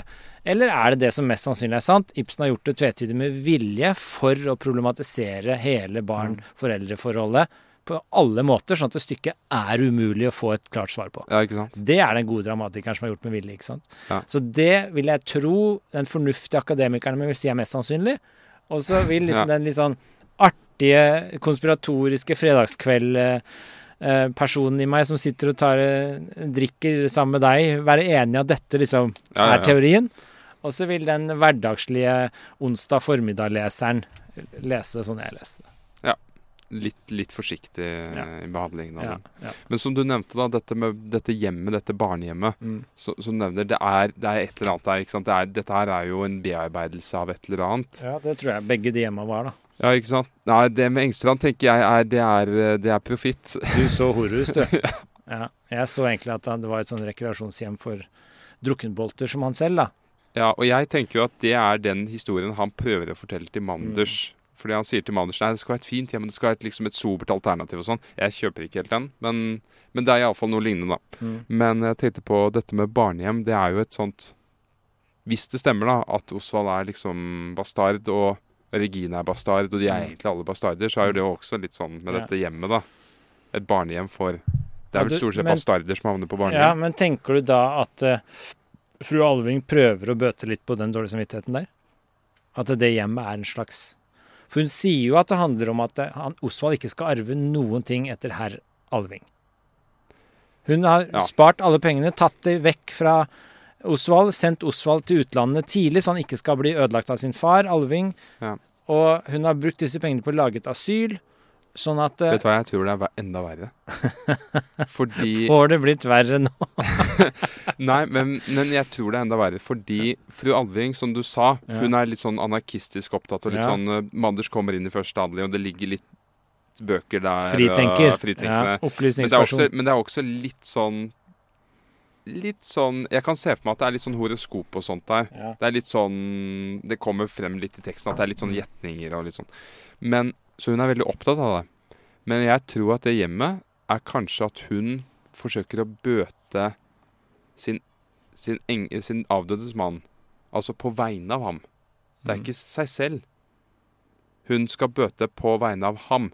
Han lagde en bastard. Hans penger skal ikke gå til Osvald, de skal gå til å bøte for hans skyld. Fordi hun fremstår jo som en person med ganske lite sånn selvinnsikt. Selv om hun prøver å bli veldig fri, men så oppdrar hun Regine som en tjenestepike. Altså, hun behandler henne som en bastard. Jo, men det er jo ikke hennes datter. Jo, men det er Det er sånn Altså, stemødre. er er, det- det er jo en stemoren, bare. Jo, jeg vet det, men det er altså Hun er jo hun er jo arving til han som eide stedet, egentlig. Ja, det er derfor hun ikke vil oppdra henne som en datter. Jo, men jeg bare tenkte på dette med hjemmet, at jeg tror ikke hun har noe selvinnsikt på hva slags skyld hun har. Hun skal bøte på vegne av kammerherren. Kammerherrens sin skyld skal nedbetales, ikke Men hennes. hvis jeg skal fyre opp under din uh, teorier, da, så er det jo at du kan tenke deg nå at grunnen til at hun har tatt alle penga til side og ikke gitt noe til Osvald, og grunnen til at hun har sendt Osvald vekk tidlig for Han ble sendt vekk altfor tidlig. Det er alle enige om i stykket. Jeg kom tidlig ut i verden, Ja, mor, sier han. litt for tidlig, sier han. Litt for tidlig. Så han ble sendt ut tidlig, og hun vil ha han ut av hjemmet så han ikke ble forpesta av dette hjemmet. Han skulle ikke bli ødelagt. Mm. Og det kan jo være enda et hint om at hun har tatt penga fra herr Alving vekk fra Osvald, fjerna Osvald fra herr Alving fordi han ikke er sønnen hans. Ja. Så hun vil ikke at uh, Osvald skal få noe fra han fordi det er sønnen til presten, ikke han. Så det kan hende at hun indirekte skiller han fra herr Alving, ikke fordi han ikke skal bli som Alving, men fordi det faktisk ikke er hans. Sånn at hun vil ikke at han skal ha noe som helst fra han. For det er sånn ubevisst sånn derre hun har ligget med en annen uten at han herr Alving vet det. Så nå hun skal bare liksom bare skille de helt fra hverandre. Ja. Det kan være fyre opp under Og sånn sett så minner hun litt om Nora. Dette med at hun, hun har tillatt at sitt eget hjem blir en sånn En sånn eh, fermentert, liksom sånn råtten bule Mm. med løgner og tildekninger og At hun til og med sender sønnen sin vekk tidlig. Nei, han må bare komme seg vekk herfra, for Ja, ja. dette stedet er så råttent. Det er Mm. pil råttent. Så gjør hun det da av kjærlighet til han, eller gjør hun det av andre grunner? Når hun sendte vekk sønnen sin. Hun blir jo kritisert av Manders for at hun har liksom sånn Hun har ikke Svikta som mor. Hun har sviktet som Mm. mor, men hun forsvarer jo det med at tvert om. Hun har, hun har vunnet som mor, litt som du var inne på, Ja. dette med at hun har sendt ham vekk eller Mm. beskyttet ham fra det. Nei, Nå syns jeg det stykket blir jævlig vanskelig. Ja, det er et mysterium. Hæ? Enda et mysterium. Ja. Dette tror jeg alle er enige med er et mysterium. Ja. Han sier jo at han er åndelig nedbrutt, Osvald. Osvald. Ja. Og det er eh, generelt oppfattet som syfilis Mm. blant folk som har lest det. At det er syfilis. Og han dør jo på slutten av stykket. Fantastisk avslutning, er det ikke? Det er gripende. Ja, Men han dør ikke ordentlig. Nei, han blir gal, da. Ja. Syfilisen går til hodet på ham. Det står bare sol. Ja. Og hvor fikk han syflisen fra? Det er et spørsmål. Han sier jo selv 'jeg kan ikke forstå det'. Jeg, jeg har jo ikke levd et utsvevende liv i Paris. Og så gjenforteller han at doktoren sa at synd, det er din fedres synder. Så da, da spiller han jo på denne overtroen som noen hadde om at syfilis var arvelig. Mm. Så hva tenker du, hvor fikk han syfilisen fra? Jeg kjenner iallfall én person som mener at det ligger litt mellom teksten at han egentlig har levd et utsvevende liv, men vil ikke vedkjenne det. Jeg bare, nå føler jeg alt jeg sa ble gærent, da, men jeg tolker at han fikk syfilis når han bodde i utlandet. Mm. I Paris. Ja, men det er en teori jeg også har hørt. Ja. Men, det, men det går imot det Osvald sier selv. Jeg har ikke levd et utsvevende liv, sier han. Men jeg må innrømme at når jeg leste den så Første gangen han sier jeg er åndelig nedbrutt, så tenkte jeg at han er deprimert. Og så peker Ja. han på skallen sin, og så sier han det er inni her. Mm. Og det er en bløtning, eller hva han sier, i hjernen. Legen har en angst. Ja, og så på en måte tenkte jeg at det var psykisk sykdom. Han var deprimert. Men Ja. så har jeg jo hørt i alle år, da, eller på videregående sånn, at det var syfilis denne Alving hadde, ikke sant. Så at Mm. den teorien var jo vanskelig å unnslippe også. Men jeg tenkte jo mentalt nedbrutt til å begynne med. Det gjorde jeg også. Men så sier han jo at han skal sakte, men sikkert dø, da. Så da, er det jo, da må det jo være noe mer fysiologisk, kanskje. Ja, ikke sant? Og jeg tror det kommer fra et sånt sted at angst på den tiden, før liksom Kirkegård og disse Mm. filosofene, før, før det har blitt sånn allment Dette var etter Kirkegård. Jo, men, men det hang Jeg tror en mer gammeldags forståelse av angst hang igjen. At angst faktisk var veldig alvorlig. Det betød galskap, egentlig. Ja. Nei, jeg syns det Ja. Nei, det er mye Dette gjør jo egentlig stykket bare enda mer interessant, da. Alt Ja. dette her. Fordi jeg har enda en Ja, teori. hva er, hva er men, men, dette, men dette er en villere teori. Nå er det et punktum i et, en setning her som indikerer fra gresk mytologi at ja, nei, det er ikke Men, Ja. men dette her er Dette er kanskje den villeste teorien. ja. Og det er litt dårligere belegg for denne Mm. enn dette med at pastor Manders er Osvalds far. Men det er at Osvald har fått syfilisen av kammerherre Alving, sin far i Gåstein, da kameraet Alving gjennomførte oralsex på ham som gutt. Men, men er det, det er, fordi den kasta opp scenen? det er den pipen. Han sugde på pipen. Til han kasta opp. Ja. Og da er jo da eneste teorien til min far at den pipen var et kjønnsorgan. Nei, jeg skjønner. Men det er, en- det er en helt vill teori. Fordi det eneste han husker fra faren sin, er jo at han fikk han til å kaste opp. Sier han. Ja. Ikke sant? Det sier han et sted, og så sier han dette med pipen et annet sted. Jeg kan jo lese opp dette med pipen. Ja. Fordi han kommer ned og røker i første handling. Ja, jeg ville bare prøve den, altså pipen, for jeg har en gang røkt av den som barn. Fru Alving. Du? Osvald. Ja, jeg var ganske liten den gang, og så husker jeg jeg kom opp på kammeret til far en aften. Han var så glad og lystig. Fru Alving. Du husker ingenting fra de år. Osvald. Jo, jeg husker tydelig han tok og satte meg på kneet og lot meg røke av pipen. Røk, gutt, sa han. Røk, dyktig gutt. Og jeg røkte alt hva jeg vant, til jeg kjente jeg ble ganske blek og svetten brøt ut i store dråper på pannen. Da lo han så hjertelig godt. Pastor Manders. Det var da høyst besynderlig. Fru Alving. Kjære, det er bare noe Osvald har drømt. Osvald. Nei, mor, jeg har aldeles ikke drømt det, for kan du ikke huske det? Så kom du inn og bar meg ut i barnekammeret. Der fikk jeg ondt, og jeg så at du gråt. Gjorde far ofte slike spillopper? Pass på Anders. I sin ungdom var han en særdeles livsglad mann. Eh, Så jeg må rette litt på det. Teorien er da at han har gitt munnsex til, til sin far. Til, til Ja. kamerat Alving. Rette på, det var jo det du sa. Hvorfor? Nei, nei, jeg sa det motsatte i sted. Nei, ok, det spiller ingen rolle. Men Nei, altså, men er- han, dette- men han er er blitt en- seksuelt misbrukt av faren sin. ja, det er Ja. jo en helt vill teori. Ja, men jeg syns ikke den var villere enn den forrige. Du kjøper den lettere? Ja, egentlig. Oi. Fordi dette er en måte på 1800-tallet å indirekte si det, at du bruker sånne symboler i stedet for å si det rett ut. Ja. Slik at uh, dette syns jeg var en, egentlig en like interessant teori, for å være helt ærlig. Okay. Og når du leste nå, så var det bare Det de, de bare klinger jo incestuøst seksuelt misbruk i den teksten. Og det, er, det stemmer jo med helheten at han på en måte sier det eneste han husker fra sin far. Hvorfor skal han takke han? Det eneste han husker, er at han fikk han til å kaste opp. Det stemmer med det. Det stemmer jo også med hvorfor mora sendte han av gårde så tidlig. Ikke sant. Fordi hun ville unngå mer misbruk. Så den teorien syns jeg var bedre enn den forrige. Nesten. Oi. Ja.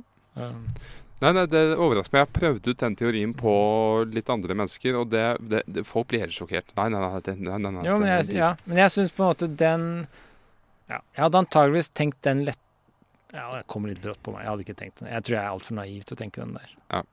Nei, altså, jeg har jo fått disse innspillene fra Odd, og det er jo sånn graver. Sånn, Ja. Men jeg syns det var veldig interessant begge teoriene, egentlig, for å være helt ærlig. Men den siste var ikke noe mindre sjokkerende. Og det stemmer jo også med at dette stykket var så sjokkerende på den tiden, og det stemmer med at Ibsen liksom problematiserte det, det mørkeste av det mørke som Mm. foregikk, som ingen snakka om den gangen, ikke sant? Ja. Eh, dette med hvem som var ekte foreldre og ikke, det er jo veldig høy statistikk på avvikende foreldreforhold som ingen vet om. Du har blitt oppdratt med far som ikke var faren din. Før DNA-tester og sånn, så var det masse av det. Så det stemmer jo med det, og seksuelt misbruk var jo florert, jo. Mm. Så alt dette stemmer med at han hinter sånn, da. Ja, og øh, min far har påstått noe annet. Dette er, er jo min fars desidert favorittstykke. Så det er derfor jeg har fått alle disse innspillene. Og han mener at dette stykket er grunnen til at Ibsen aldri vant Nobelsprisen. Ja. Nobelprisen. Men det er det flere som mener, da. Det Ja. sies også i biografien om Ibsen. Mm. Og det er jo hårreisende, for dette burde jo vært grunnen til at han vant. Nobelprisen. Nei, det var jo for radikalt. Altså, det var jo Han pirka borti for mye her. Planning for your next trip? Elevate your travel style with Quince. Quince has all the jet setting essentials you'll want for your next getaway, like European linen, premium luggage options, buttery soft Italian leather bags, and so much more. And is all priced at 50 to 80% less than similar brands. Plus, Quince only works with factories that use safe and ethical manufacturing practices.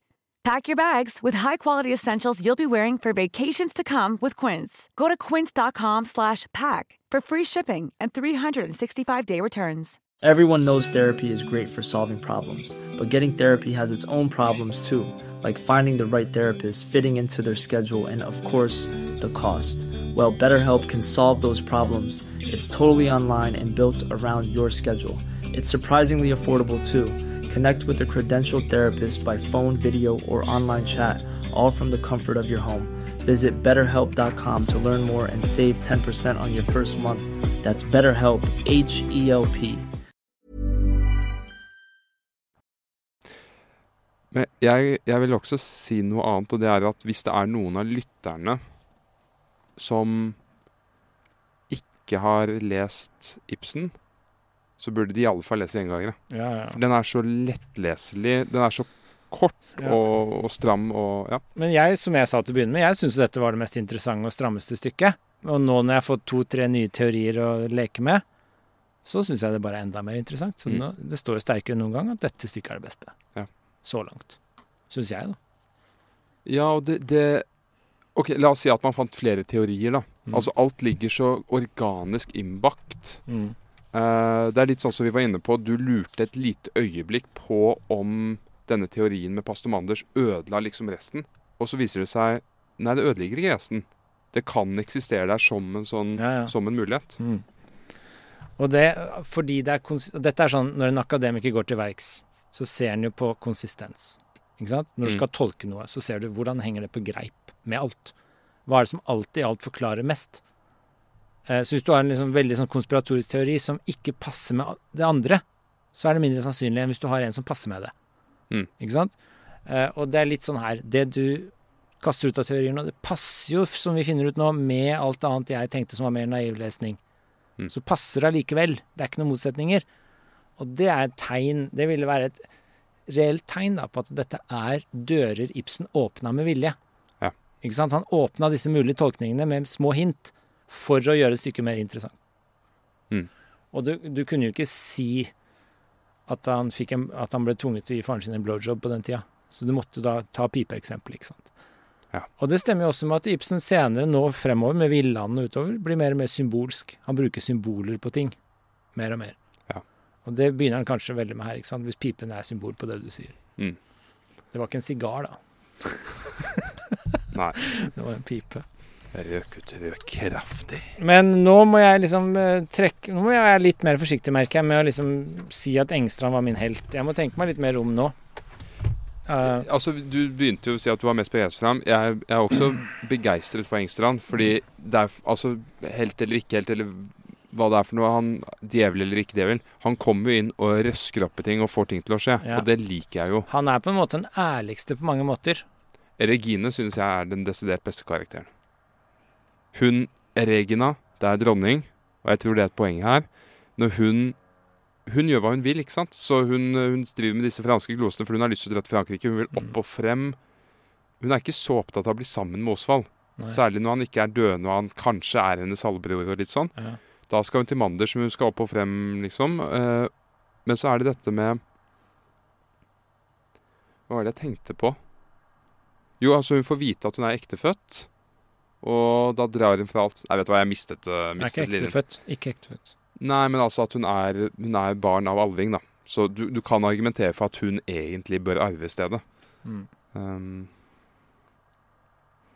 Er det derfor også fru, Nei, altså- fru Alving vil beskytte altså, alt her? Fordi jo, det hun vil at Osvald skal arve. Ja, Det er nok det. Så hun vil jo gi sine penger til sin sønn. Men, men det, det jeg skulle si, da, det var Regine har ikke noen sånne moralske, borgerlige skrupler. Mm. Hun vil, hun vil bare gjøre det hun vil gjøre. Ja, ja, ja. Og hun vil komme seg av sted, gjøre interessante ting. Og på slutten der jeg drar til pastor Manders. Hun er en moderne kvinne, hun. Oi sann. Så jeg liker moderne kvinner. ja, du liker den moderne Da er det avslørt. Ja, du er modernist, det. Ja.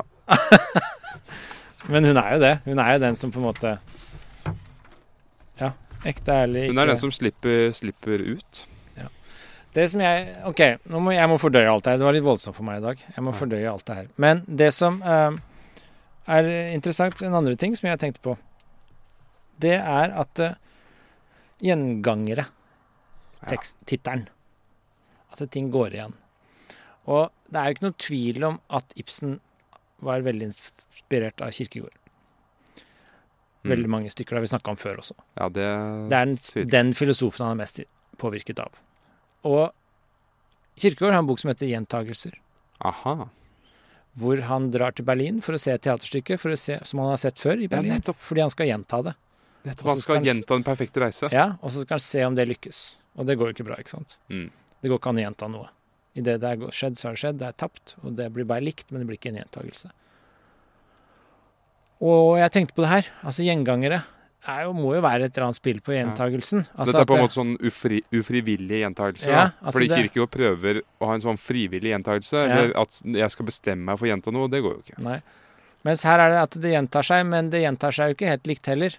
Og i hvert fall hvis alle de komplikasjonene og dørene du har åpna nå, også, så er det sånn Det gjentar seg i ledd på en måte, men på en annen måte ikke. Ja, altså Du mener man kan spørre seg hva er egentlig den sanne gjengangeren? Ja, Hva er det som egentlig Her. gjentar seg? Og det er kanskje løgnen? For det er vanskelig å Ja. Nei, men det må være et spill på det, tenkte jeg. Bare sånn kirkegårdhint. Ja. Um, Men er det noe i Det ligger vel noe i stykket her om at fru Alving måtte pleie kammerer Alving på en eller annen måte? Kommer ikke det frem? Altså at han var så full og så håpløs at, at, han- at hun måtte styre med alt. Hun sier jo det til Manders. Jeg måtte styre med alt, og han, det kom bare under hans navn. Jeg, jeg må, han var mer eller mindre pleie. ja, hun tok kontroll, sier hun. Ja. Hun Det var vel noe kontroll. der med at han var helt sånn Hun måtte ta vare på ham. Ja, for jeg tolka det jo som at han var egentlig en veldig sånn drivende og livsglad fyr, og så fikk han ikke utløp for det, og så ble han bare en litt sånn umulius. Ja. Han var litt sånn som jeg var på barneskolen. Flink, men fikk ikke utløp, og da ble det umulig. Ja. Og det er jo litt sånn så Og da um, Og da tok hun kontroll til slutt, for ellers så ville det gå helt gærent. Jeg du lese den korte talen hennes her. Uh, ja, nå kan jeg det, Osvald. Du kom før til å tale om livsgleden, og da gikk det liksom et nytt lys opp for meg over alle tingene i hele mitt liv. Dette forstår jeg ikke noe av, sier Osvald. Du skulle ha kjent din far da han var ganske ung løytnant. I ham var livsgleden oppe, du. Ja, det vet jeg. Det var som et søndagsvær bare å se på ham, og så den ustyrtelige kraft og livsfylde som var i ham. Og så, spør Alving, og så, Alving, og så måtte slikt et livsgledens barn, for han var som et barn den gang. Han måtte gå her hjemme i en halvstor by som ingen glede hadde å by på, men bare fornøyelser. Måtte gå her uten å ha noe livsformål. Han hadde bare ett embete, ikke øyne noe arbeide som han kunne kaste seg over med hele sitt sinn. Han hadde bare forretninger, ikke en eneste kamerat som var mektig og føler hva livsglede er for noe, bare dagdrivere og svirrebrødre. Og så, nei, mor, og så kom det som måtte komme. Hvorledes måtte det da komme? Du sa selv før i aften hvorledes det ville gå med deg om du ble hjemme. Vil det dermed si at far, din stakkars far, fant aldri noe avløp for den overmektige livsglede som var i ham. Jeg brakte heller ikke søndagsvær inn i hans hjem. Ikke du heller? De hadde lært meg noe om plikter og slikt noe, som jeg hadde gått her og trodd på så lenge. Alle ting som munnet ut i pliktene, i mine plikter og i hans plikter. Jeg er redd jeg har gjort hjemmet uutholdelig for din stakkars far, Osvald. Det er flott. Det er veldig flott. Det er jo denne småbyen han ikke får uh, realisert seg selv i. Ja. Stavern, er det ikke det? Det er kanskje Nei, det er vestlig Norge. Men jeg bare tenkte på den talen hun holder til Manders i andre Eller er det første Første akt, er det vel, om sin mann, som er så veldig utilgivelig. Så hun har jo utviklet seg i løpet av stykket. Mm.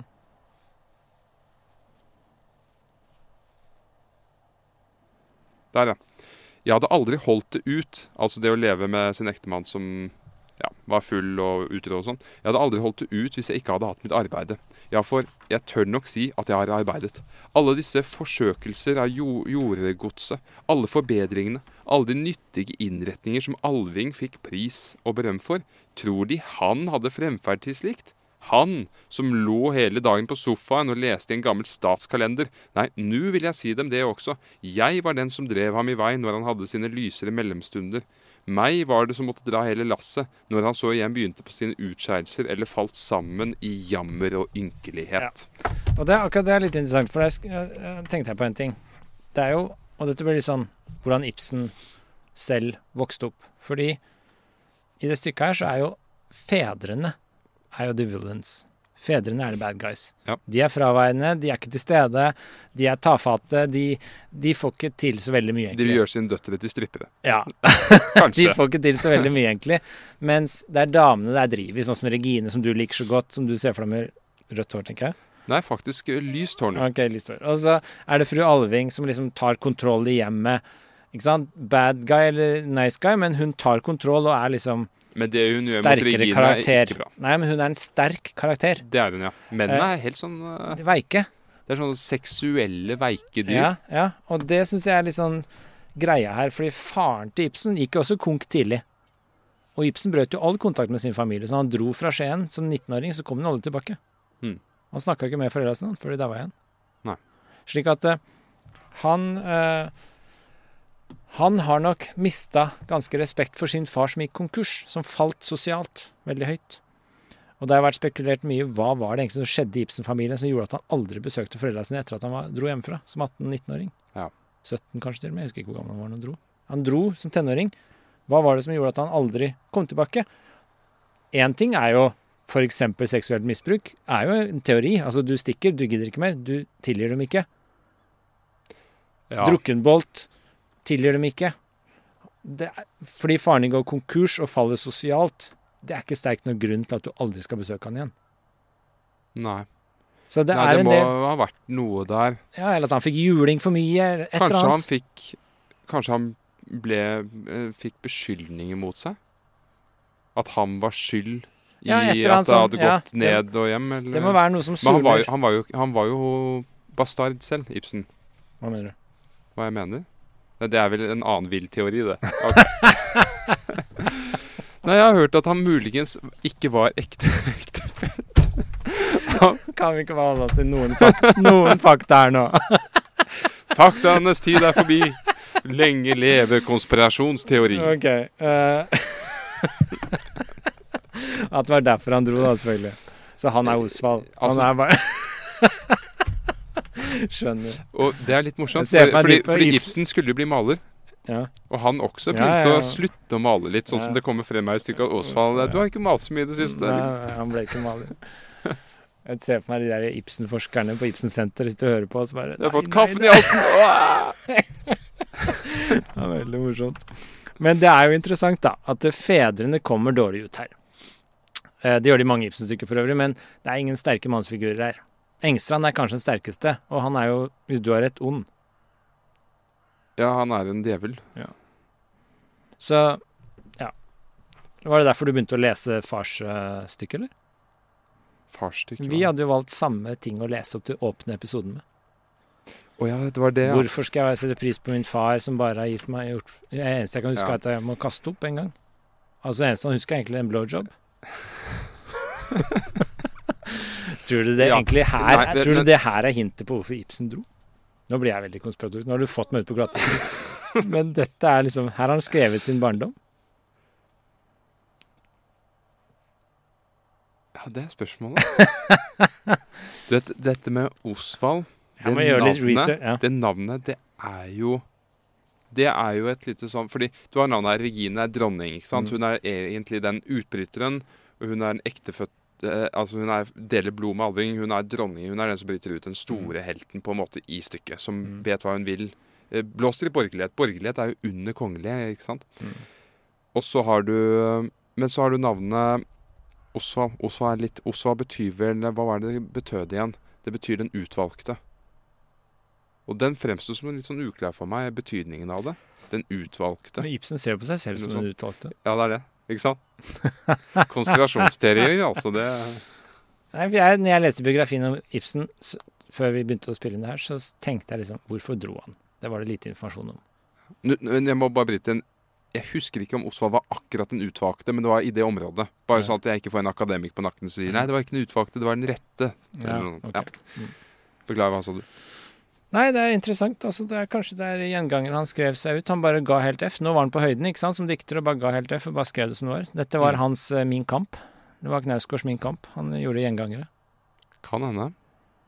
Virkelighetslitteratur. Jeg får, hvis vi går tilbake til Katilina Mm. Hvordan er det Katilina fremstår ved siden av gjengangere? Katilina fremstår mye mer som et sånt superegoprosjekt. Egentlig. At dette er liksom Dette er mannen som vil frem og gjøre noe. Mm. Og bli til noe. Og motsetningen til det er å ikke gjøre noe, og falle ned i borgerligheten sammen med hun Aurelia og få et trygt liv. Så det fremstår mye mer som en sånn ungdommelig 'jeg skal opp og fremstykke', mens gjengangere er litt mer sånn innrømmelsesdrama. Du må jo også si at Ibsen hadde jo selv en lausunge, ikke sant? Mm. Som han fikk som Var han 17 år i Grimstad? Ja. Gjengangere. Det, det stemmer, han dro 15 år gammel han dro fra Skien til Grimstad. Men han fikk en barn når han var 17 i Grimstad med en litt eldre dame, Mm. som han betalte på til var 18 år, og nekta han noe særlig med å gjøre. Ja.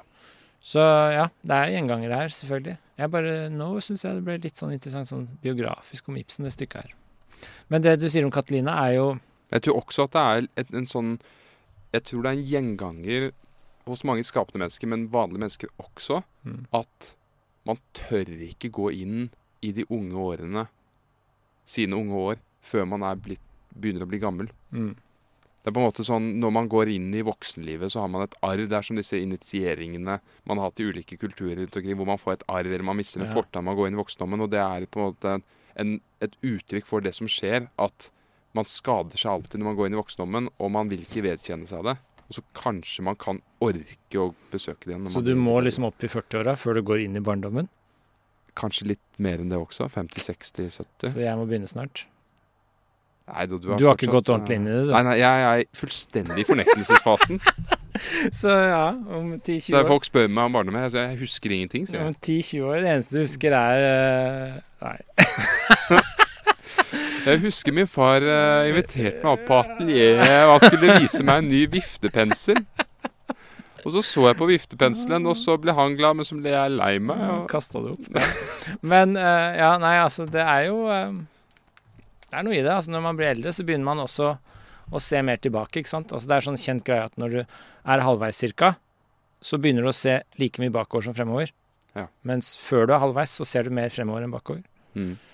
Og det er jo naturlig, ikke sant. Når du er 20, så skal du liksom skape og virke.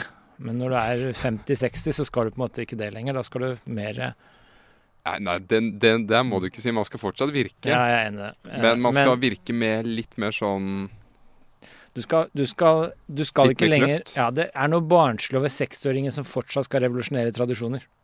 Ja. Det er noe barnslig over det. Det er mye mer ærverdig på mange måter 60-åringer som perfeksjonerer en tradisjon han har funnet frem til, Ja, ikke sant. uh, syns jeg, da. Uh, så for meg er de unge de skal liksom være progressive og liberale, mens de gamle skal være konservative og bevarende, ikke sant. Mm. Men aktivt, ikke passivt. Nei, aktivt, helt klart. Og perfeksjonere og være åpne og sånn, men Fordi det jeg ser det er noe patetisk mye over den 60-åringen som hele tiden skal gjøre noe nytt. Det er en ting jeg ser veldig mye med Og dette er på en måte det negative med den, de som har vippet over mid, det middelaldrende Mm.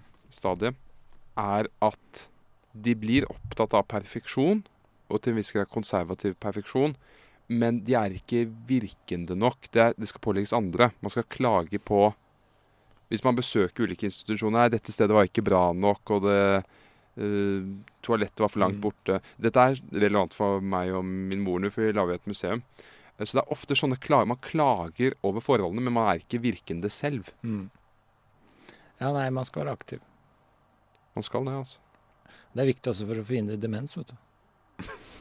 Ja, ikke sant? Aktivitet er det beste du kan gjøre. Mm. Men jeg tenkte på uh, et par ting til vi, som jeg har lyst til Som jeg strekte under her, som er mer sånn plukka ut av sammenheng som interessante ting. Ja.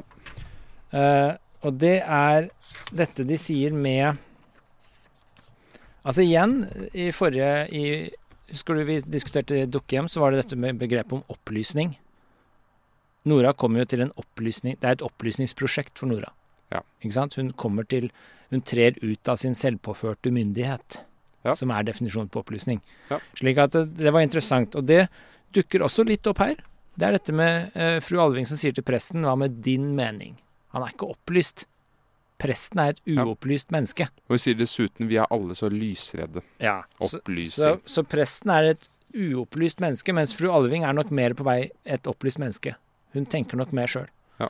Og kanskje, som du sier, Regine enda mer, men hun er litt sånn, jeg syns Regine var litt nøytral. Jeg fikk ikke helt sånn sans for henne. Syns hun var litt passiv. Hun var liksom, liksom stille i bakgrunnen hele tiden. Jo, men hun, hun handler jo, hun reiser. Jo, men litt Men- sånn ikke- planløst. Nei, nei, det er bare hun forteller ikke folk om. Hun plaprer ikke. Nei, kanskje. Fordi Men- jeg, jeg får en følelse at hun er litt sånn motsetning til hun eh, fru Alving. For fru Alving er sånn som plaprer og har på en måte teoretisert disse idealene sine og jeg skal arbeide meg ut til frihet og alle disse tingene. Ja. Men hun gjør jo egentlig ingenting. Hun er jo egentlig den som har vært mest borgerlig av dem alle. Og lagt lokk på ting og sendt Osvald vekk. Og. Ja, men det er et opplysningselement her som jeg syns er interessant. Og så er det uh, dette med livsglede. Dukker opp. Det er vel i tredje akte. Helt på slutten, tror jeg. Mm. Dette begrepet om livsglede og livsgleden. Og da sier jo Osvold Osvold? da sier vel Osvald Ja, livsgleden, mor. Eh, fordi hun, hun fru Alving sier livsglede kan være redning i det, ikke sant, for han. For han er, da fikk jeg også sånn deppa-tanker. At han var deprimert. Ja. Men så sier hun livsglede. Og så sier han ja, livsgleden, mor, den kjenner de ikke stort til her hjemme. I Norge. Det er ikke noe livsglede. Nei. Det er traurig. Jeg fornemmer den aldri her, sier Osvald. Og så sier han videre den, og så arbeidsgleden. Ja, det er nå i grunnen det samme tingen. Ja. Ikke sant? Altså det å ha livsglede og arbeidsglede. Hvis du virkelig har arbeidsglede, så har du også livsglede. Kommer til den fantastiske definisjonen til Freud, Sigmund Freud, Ja. på mental sykelighet. Mm. Eller, eller mental friskhet. At mental friskhet, det er å kunne nyde å arbeide. Ja, Med et eller annet. E- Et eller annet nyde å virke. Mm. Hvis du ikke evner å nyde å virke, så er det tippet over til å bli sykelig mentalt. Ja. Og så sier han her rett etterpå, Osvald. Jeg vet det så visst. Lev det samme liv her hjemme som der ute, og det blir dog ikke det samme liv. Den er interessant. Kan du gjenta den? Lev det samme liv her hjemme som der ute, og det blir dog ikke det samme liv. Ja, der kom vi inn på det du eh, nevnte før vi gikk inn hit, at av og til så kan årsaken ligge i omgivelsene. Ja, også Jeg har jo bodd, eh, jeg har bodd eh, til sammen seks år i USA. Og den Det var veldig fine år, liksom. Veldig kult å bo i utlandet. Du har også bodd i Island, har du ikke? det? Mm. Veldig kult å bo i utlandet i mange år. Du får liksom perspektiv på ting som du ikke får når du ikke bor i utlandet. Mm. Eh, og det er noe i det. Altså den der livsgleden. Det er noe litt sånn inneslutta og manglende livsglede i det norske. Mm. Eller sånn, kanskje det er litt sånn protestantisk, pietistisk. Du skal liksom jobbe og sitte på en trebenk i kirka hver søndag, men du, du har liksom ikke den flotte estetikken og livsgleden over selve gudstjenesten. Det er mer den der ku, underkua. Eh, det er noe der, men livsgleden, bare sånn som når man er i USA, og, og folk som har dårligere råd og dårligere hus og dårligere liv på alle måter, er bare hyggeligere og blidere Ja. og mer livsglade og mer inkluderende og gir mer. De er mer gavmilde. Det er hyggeligere å komme til dem enn det er å komme Ja, til et velstående hus hvor isolasjonen er på plass, og det trekker ingen steder, og alt er energi og grønt og flott og dyrt. Og de har masse penger, men det gir ingenting. Nei. Eh, Det er noe med det der. Det syns jeg er veldig interessant, og det Ja. setter Ibsen fingeren på her. Det er noe med den derre Jeg ville heller bo i et hus som trekker med lite penger og mye livsglede, enn i et tett, vakuumpakka hus som det er mye penger og ingen livsglede. Og dette her er jo Ibsen flyttet jo Han skrev det første stykket mens han bodde i Rom, var vel 'Brand'. Og helt siden 'Brand' så har han bodd i Rom. Ja, han har bodd i Tyskland i mellomtida. Mange ting frem og tilbake mellom Ja, Tyskland ja, men han har skrevet skrevet veldig mange av de stykkene i Rom. Mm. Han har iallfall ikke skrevet dem i Norge. Det er Rom og Tyskland. Mm. Så det ville jo være et kjent tema for ham. Ja, Men så jeg- han men- har jo bodd 27 år bodde han i utlandet. Og det- det, da får han jo hele avstanden, ikke sant. Og dette er jo noe han også var veldig opptatt av selv, Ibsen. Det står mye om det i biografien også, at han, han vurderte hele tiden å flytte hjem, men gjorde det ikke, for han måtte ha avstanden som dikter. Han måtte ha perspektivet, han måtte se det på avstand. Hver gang han kom til Norge, så ble han litt deppa. Og så dro han ut igjen og fikk frisk luft. Og jeg skjønner det litt, fordi som vi skal lese neste uke, så det der at du, når du står alene, så står du ganske sterkt. Og når du kommer deg til utlandet, og du bor der, og ser tilbake på Norge, så ser du mange ting mye klarere. Og du står på mange måter mye sterkere til å reflektere over det enn Ja. når du er midt i det. Men Det er jo også dette å reflektere over, fordi man kan jo ikke Altså, en lytter her kan jo misforstå og tro at vi helt sånn ukritisk kritiserer Norge. Eh, men det handler vel om å forstå Om å få det overblikket og forstå hva som er galt i en samfunn. Fordi det som er galt med det norske samfunn, det vil jo ikke nødvendigvis være det samme som det som er galt med det peruiske samfunn, Nei. eller det angolske samfunn. Og det som jeg bare tenkte på siden vi snakket om Norge Husker du det programmet til Harald Eia om 'Dette er Norge'? Uh, ja. Var det det det het? Eh, noe sånt. Ja. Ja, ja, Det handlet iallfall om Norge og strukturen i Norge og rikdommene og litt sånn forskjellige fagforeninger og bla, bla. Ja.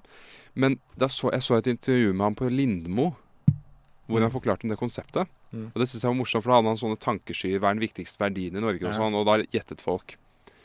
Og den verdi, viktigste verdien var selvstendighet i Norge. Mm. Men da eh, Harald Eia var veldig, veldig flink, men der gjorde han en liten feil. Mm. Fordi han sa først Jeg trodde at det var noen protestantiske verdier som var mest i Norge.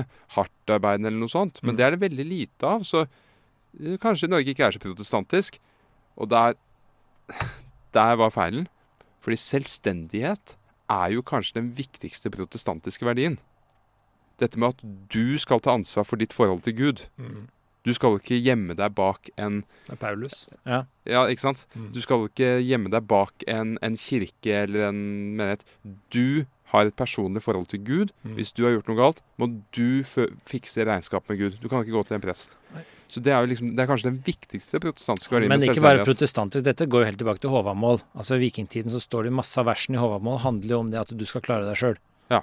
Du skal komme ridende til tinget på en sliten hest som er din. Du skal ikke låne en fancy hest av naboen. Eh, du skal ikke ha med deg maten din sjøl. Du skal ikke sant? Alle disse selvstendige Bedre å være herre i Ja. eget hus enn en tjener på et slott. Ja, så du Ja. skal, Dette er jo the self-made man som er veldig populært i USA. Det er det samme i gamle Håvamål. Jo, men i USA er det litt mer sånn Det stikker ikke like dypt. Det self-made er litt mer sånn at du skal vise det frem. Du skal vise at du er self-made. Litt sånn Ja, kanskje. midt imellom protestantisk og katolsk. Ja. Men den selvstendighets... Jeg husker den ideen, Harald Eia, når han hadde den statistikken. Altså det, Selvstendighet er nok en kjerneverdi. Jeg er litt enig i det. Du skal Ja. klare deg sjøl. Men altså, som du sier, det, er- det finnes før Norge ble kristnet også. Men Mm. kanskje grunnen til at Norge så lett ble protestantisk, er jo nettopp fordi det er protestantisk verdi. Men Det passer sammen. Det er interessant å se om 50 år om det er det samme. Fordi jeg syns jo folk blir mer og mer på en måte forlangende og avhengig av staten enn man var i vikingtida, i hvert fall. Så, Ja. så det er interessant å se om selvstendighet som, fortsatt Harald er verdien om 50 år. Men som Harald Eie påpeker i det programmet sitt, som er helt riktig, så er Han kaller staten en frihetsmaskin, men vi kan kalle det en selvstendighetsmaskin fordi staten er på en måte sånn Det er sånn upersonlig, Ja. og den kommuniserer Det er én enhet som kommuniserer med alle individer Mm. hver for seg. Så den bidrar også til isolasjon, isoleringen mellom mennesker. Ja. Så det, det samfunnet du treffer i USA med mer samhold og sånn Det er Altså- nærmere vikingsamholdet. For der skulle du være self-made man, men du måtte bygge relasjoner. For det var ikke noe stat som tok vare på deg. Så i Håvamål så må du bygge relasjoner Ja. med andre, fordi ellers så klarer du ikke å leve som en self-made man. Mm. Da blir du da blir du bannlyst og sendt ut og, og fredløs. Og, Ja, så du må bygge sterke relasjoner. Derfor er vennskap så utrolig viktig i Håvamål, f.eks. Mens når du ser på den moderne staten i dag, så er jo ikke familie og vennskap det viktigste for å overleve lenger. Nei. Fordi du kan klare deg på egen hånd. Så det er frigjøringsmaskin på en måte, men på en annen måte så er det en isoleringsmaskin. Ja. Og da er det ikke sikkert at du blir så veldig fri, hvis du er helt isolert. Nei, det er det. Det er Det er, derfor er- jeg Han er kanskje heller burde kalt det en frigjør seg i gode- selvstendig, selvstendighetsmaskin. Burde Ja. han heller kalt den en fri, frihetsmaskin. Ja, for jeg tror det er mange som føler seg friere når de er i gode relasjoner, f.eks., enn når de bare står aleine. Mm. Så ja. OK, det er nesten, nesten et uh, tema til et teaterstykke, da. Gjengangere er på en måte det, det forgiftede fellesskap med, hvor alle spiller for Alle er veldig borgerlige og plikter og sånn, men kunne hatt et teaterstykke om faren med den sånne overselvstendigheten. Men på en annen side, kanskje det er neste stykke. En folkefiende. Ja, for det jeg, det jeg kommer til å se etter nå, er jo hva er det han hinter til her som blir eksplodert opp i folkefiende. Om herr Stockmann som eh, oppdager eh, at eh, den badeanstalten i byen hans, den nyanlagte badeanstalten, er skitten. Mm. Ja, ikke begynn å avsløre for mye. Dr. Stockmann, eller som jeg kaller ham, Dr. Stockdum. Vi får snakke mer om det neste uke. Men eh, det var én ting til jeg må skulle ta opp her. Skal vi se. Eh, Ja, fru Alving er jo litt den anarkistiske tendensen som jeg likte. Ja, dette med lov og orden. Jeg tror mange ganger det er det som volder alle ulykkene her i verden. Ja. Alle konvensjoner og lover og regler. Det gjør at det blir gærent, ikke sant. Dette er jo også en sånn nietzscheansk idé, da. At eh, de kriminelle er egentlig de friske. Det er de som følger lovene, som er gale. så, det er, så det som blir galt, er egentlig lovene som gjør noe galt. Før det var en lov, så var det jo ikke galt å gjøre det. Nei, nei. Altså lov i mer sånn dypere Men så kommer jo det interessante, da. Fordi det er der jeg mener Fordi Alving er på vei. Men hun, når, når alt kommer til alt, er hun veldig borgerlig allikevel. Ja. Hun sier jo til Osvald, når Osvald sier på slutten at når jeg blir gal, mor Fordi de er helt alene. Når jeg blir Mm. gal, så må du gi meg disse morfintablettene. Du må ta livet av meg. Og så eh, Hun reagerer på det, og så sier hun 'Jeg som har gitt deg livet'. Altså, jeg skal gjøre det. Ja. Så svarer Osvald 'Jeg har ikke bedt deg om livet'. Mm. Så da får jeg en følelse av at Osvald er langt viderekommen innenfor anarkistiske ideer i forhold til sin mor. Ja, så sier han 'jeg har ikke bedt om livet, jeg vil du skal ta det tilbake'. Ja. Så han vil be henne om å ta livet av seg, fordi han har aldri bedt om det. det er jeg hadde streket under den også. Det er en ganske interessant tanke det at du har ikke bedt om foreldrene dine om et liv, du har bare fått det. Så foreldre som da sier 'å, du skylder meg ditt og datt fordi jeg har gitt deg selve livet', så er det sånn Jeg gjør egentlig ikke det. Jeg har aldri bedt om det. Eh, Så hvis du sender meg en pakke som jeg aldri har bedt om, så skylder jeg deg egentlig ikke å sende en pakke tilbake. Det er noe sånn påtvunget over det der å gi gaver som gjør at du får den skylden om at du må gi noe tilbake, som du aldri hadde bedt om til å begynne med. Nei. Så du blir pådytta en plikt. Men det er litt- er jo dette det skjer er litt når- du, nå kritiserer du jo alminnelig relasjonsbygging. Og det er liksom Ja. Jeg er helt enig, men dette her det er en fare for at det blir veldig autistisk. Ja, men det er jo sant. Ja, det er det. Men, men det betyr jo ikke at eh, det ikke er sånn. Nei, nei. det, det må kanskje være sånn. Det er en annen ting. Det kan være. Uh, men uh, Ja. OK. Jeg fant ikke det jeg tenkte på. Men uh, ja. Men hun tok ikke livet av han til slutt. Det var det du sa. Nei, men altså at han, han sklir inn i galskapen, da. Han sier bare 'sitter ubevegelig' som før og sier 'solen, solen'. Ja, jeg syns det er så gripende, altså. Ja. Mor, gi meg solen. Det er, det er sånn Det er livslykken og livskraften, det er solen. Hun vil gjøre alt for ham.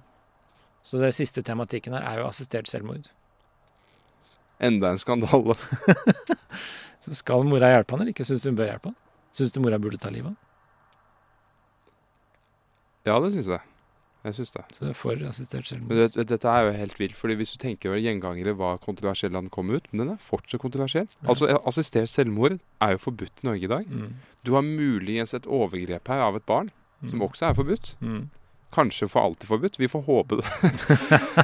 uh, plutselig så blir det en del av pride også. Hva vet jeg? Jeg som ikke er opplyst. Men, eh, men den er, den er iallfall fortsatt kontroversiell, da. Ja, det er veldig spennende. Jeg er enig. Og jeg syns jo jeg skal gi deg det. Det er et ekstra lag her nå for meg. Jeg må lese det om igjen denne uka her nå, før neste episode. Jeg må lese det en gang til for å se de hinta dine klarere. Det slo meg plutselig. Du lette etter litt sånn Du prøver å finne et mønster her på disse stykkene hvor det utvikler seg. Jeg bare tenkt på skittent vann. Det er nesten, nesten noe sånn Hva mener du? I, i det neste stykket Ja. Skittent vann. Det er nesten noe sånn Noe sånn seksuelt over det. Noe sånn skitt, Skittent vann Problemet sånn seksuell, Eller seksuelle tolkninger Altså, du Du kan gjøre alt til et eller annet seksuelt.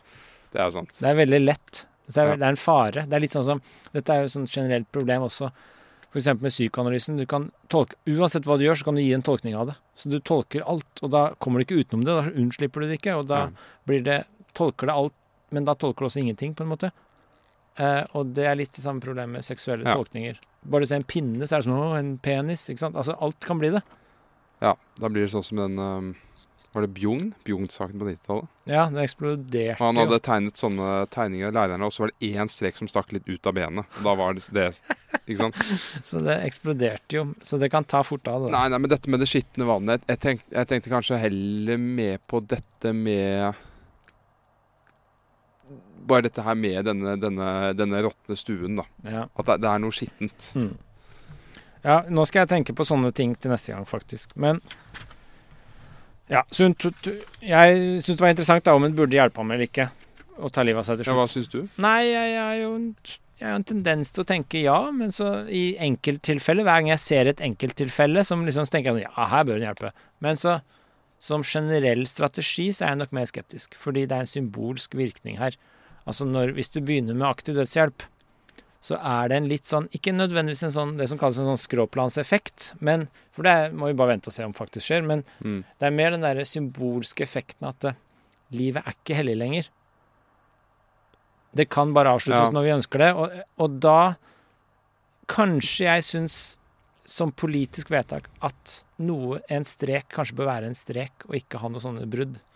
At det bare en, en vegg kan være en vegg av og til, ikke en dør på gløtt. Men som du da får du litt fastere rammer, og så ofrer jeg de få tilfellene hvor det er feil, for den større helheten. Ja, det gjør det jo.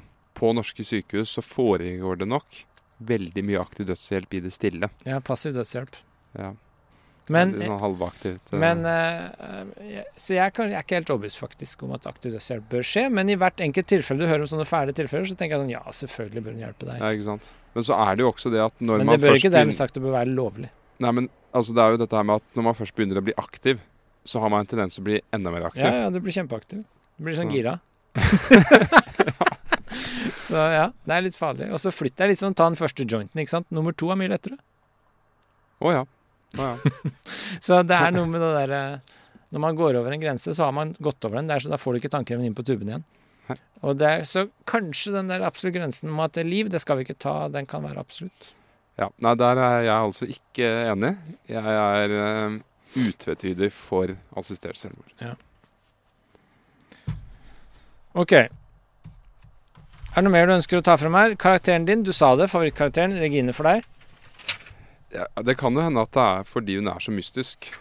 Mm. Um, hun sier jo ikke så mye og bare Men det, altså, hun bryter ut av det, og hun skal eh, besøke pastor Manders på slutten. Han bestemte seg for å forføre ham. Det syns jeg er litt sånn det er sprekt. Å, så du drar han dit? Hun skal forføre han? Hun skal ikke bare dra til han? Hva skal hun gjøre hos ham? Hun skulle få litt penger av han. Hun mente hun fortjente noen av de penga. Det gjør hun riktignok, men hallo.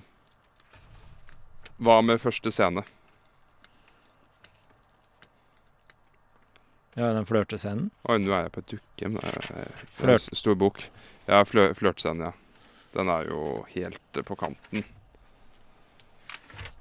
Hun sier um, Regine. Uh, eller uh, Men min kjære Regine. En, la meg se. Ja, fordi han vil at du skal flytte tilbake til sin far. Men kjære jomfru Engstrand, det er jo deres egen far her jeg taler om. Ja, det kan så være, men allikevel ja, hvis det var i et godt hus hos en riktig reell herre. Pastor Manders. Men min kjære Regine. Regine. En som jeg kunne nære hengivenhet for og se opp til og være liksom i datters sted. Det er også en, en antydning der til noe incestuøst. Eh, Pastor Manders. Ja, men mitt kjære gode barn. Regine. For så vil jeg nok gjerne inn til byen. Her ute er det svært ensomt, og herr pastoren vet jo selv hva det vil si å gå ensom i verden. Og det tør jeg nok si at jeg er både flink og villig. Vet ikke her passer om noen slik plass for meg? Pass med Anders. Jeg? Nei, tilforlatelig om jeg vet. Regine. Men kjære herr pastor.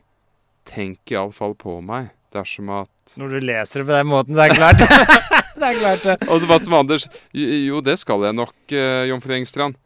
Re Regine. Ja, for hvis jeg Pastor Manders. Vil De kanskje være så snill å hente fruen? Det er jo måten du leser det på som avgjør at det høres fristende ut. Du kan jo lese Nå leser du henne til en tøs. Nei. Altså, hun, Altså, husk på på eh, slutten Det må da være lov å flørte, Ja, men på slutten, når hun skal, fri, når hun skal dra, Ja. så er jo hun, Alving, fru Alving litt bekymra for at hun skal ødelegge seg sjøl. At hun skal bli som blid. Og da sier Regine ja, en ung pike må, må passe på mens hun er ung og pen, liksom. En fattig pike får nytte sin ungdom. Ja. Så hun vil utnytte det, bruke det mens det er, for det det er verdt, Ja. så lenge det varer. Fordi etter det er det for seint. Ja, hun er en makiavellist. Ja. Hun skal bruke det hun har. Akkurat som Nora, Nora egentlig òg bruker jo sin kvinnelighet for det det er verdt. Og absolutt. Problemet med Nora er jo at hun vet ikke selv at hun manipulerer. Mm. Vi fikk ikke så mange negative kommentarer til Nora-episoden vår. Vi gjorde ikke det. Kanskje folk er enig? Det var noen. Ok. Det var noen litt kritiske kommentarer, men Men vi var jo begge enige om at det var fantastisk at hun gjorde oppgjøret. Oppgjøret med, mot uh, Helmer. Mm. Så det burde holde. Men så Regine er din favorittkarakter? Den litt sånn moderne uh, tøsen? Hallo, det må da være lov å ha romantiske vyer og planer? Jo, jo, absolutt. Det er ikke noe gærent med å være moderne tøs. Nei.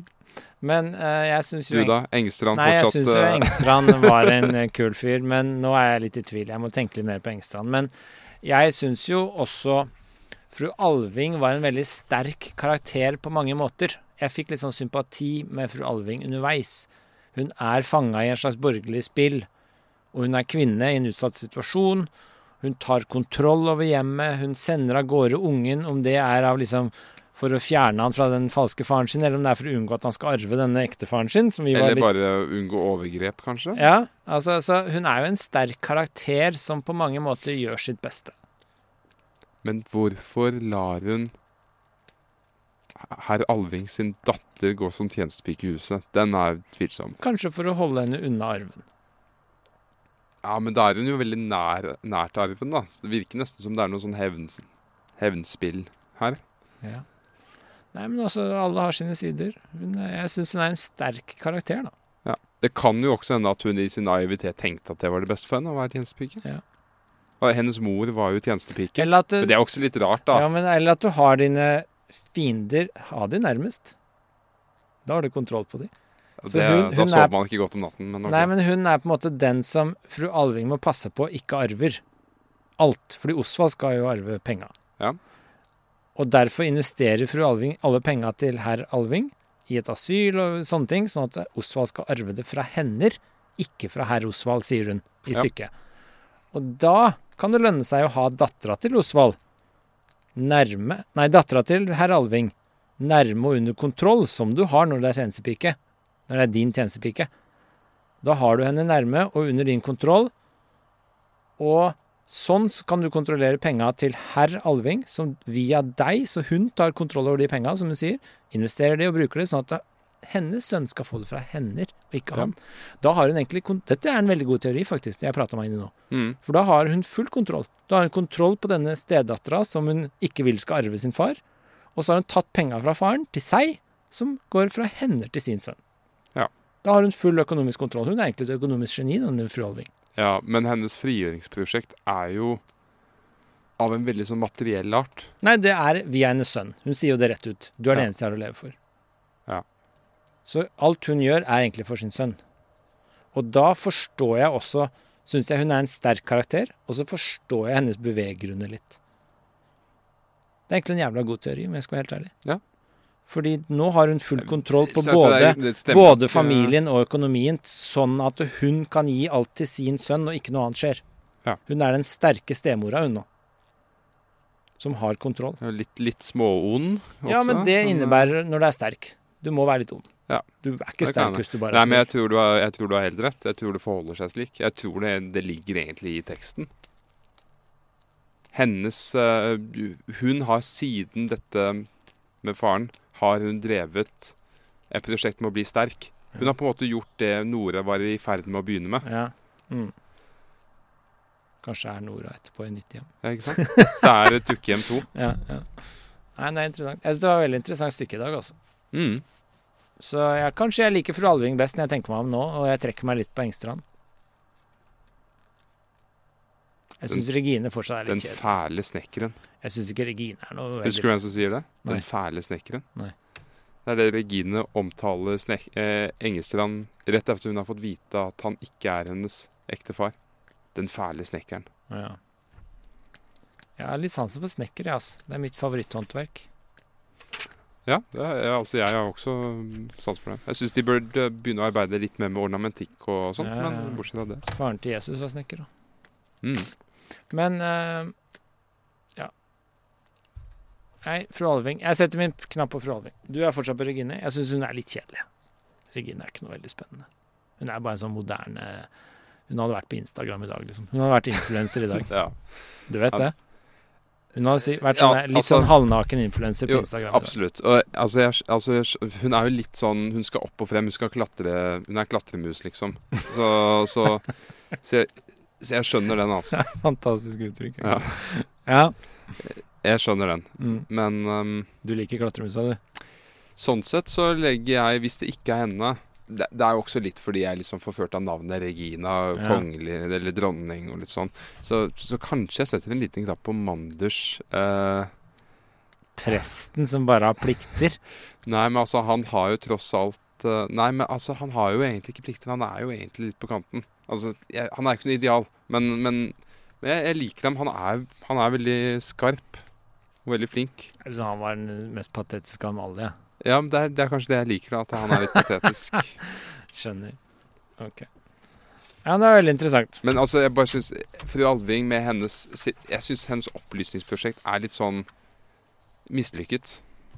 Altså, jeg syns det kommer frem i stykket her at hun, har, hun har teoretisert veldig mye, men i praksis har hun egentlig ikke gjort noe som Nei. minner om et opplysningsprosjekt. jeg er enig i at hun i praksis ikke driver Altså, opp, kanskje Altså, øh, Nora er nok mer et direkte opplysningsprosjekt enn fru Alving. Fru Alving er nok mer bare Hun opplyser seg nok til å bare sørge for sin sønn, hun.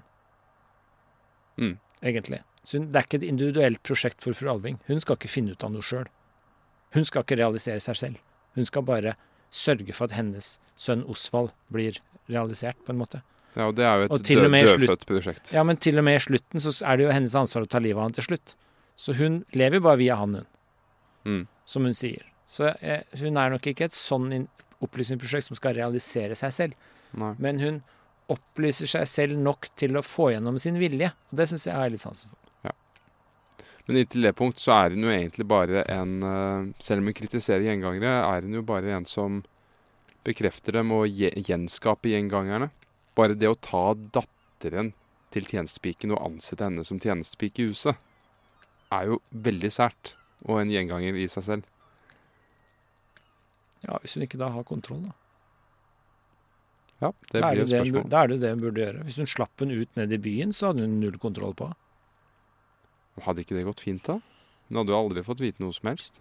Det vet man aldri, vet du. Men han presten som er den der svikeren. Ja. Nei, jeg vet ikke. Men øh, ja. En siste ting jeg kom på, er det derre assurert. De snakker om det flere ganger. Mm. Er det assurert? Er husene assurert? Er jeg forsikret? Og så mener jo Manders at det bør assureres av Gud. Ja. altså det, så det, så det var litt sånn rart, fordi de har assurert alle sine personlige hus.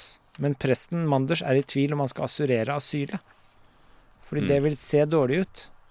Det syns jeg var litt sånn Ja. interessant. Litt sånn puzzling. Bare hvorfor skulle man ikke assurere det? Fordi når det brenner ned, så sier han også det som ikke var assurert, da. Jeg syns også Ja, men det er også det på slutten Det har brent ned, og så driver Engstrand med disse, dette Gaslight-prosjektet sitt.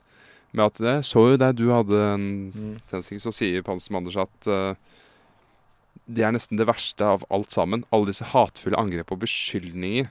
Så han, er, han, han syns ikke det er at det har brent ned, det er beskyldningen mot seg. Han er, Ja, ja. Så han er, veldig, han er ekstremt Ja, jeg la merke til det samme.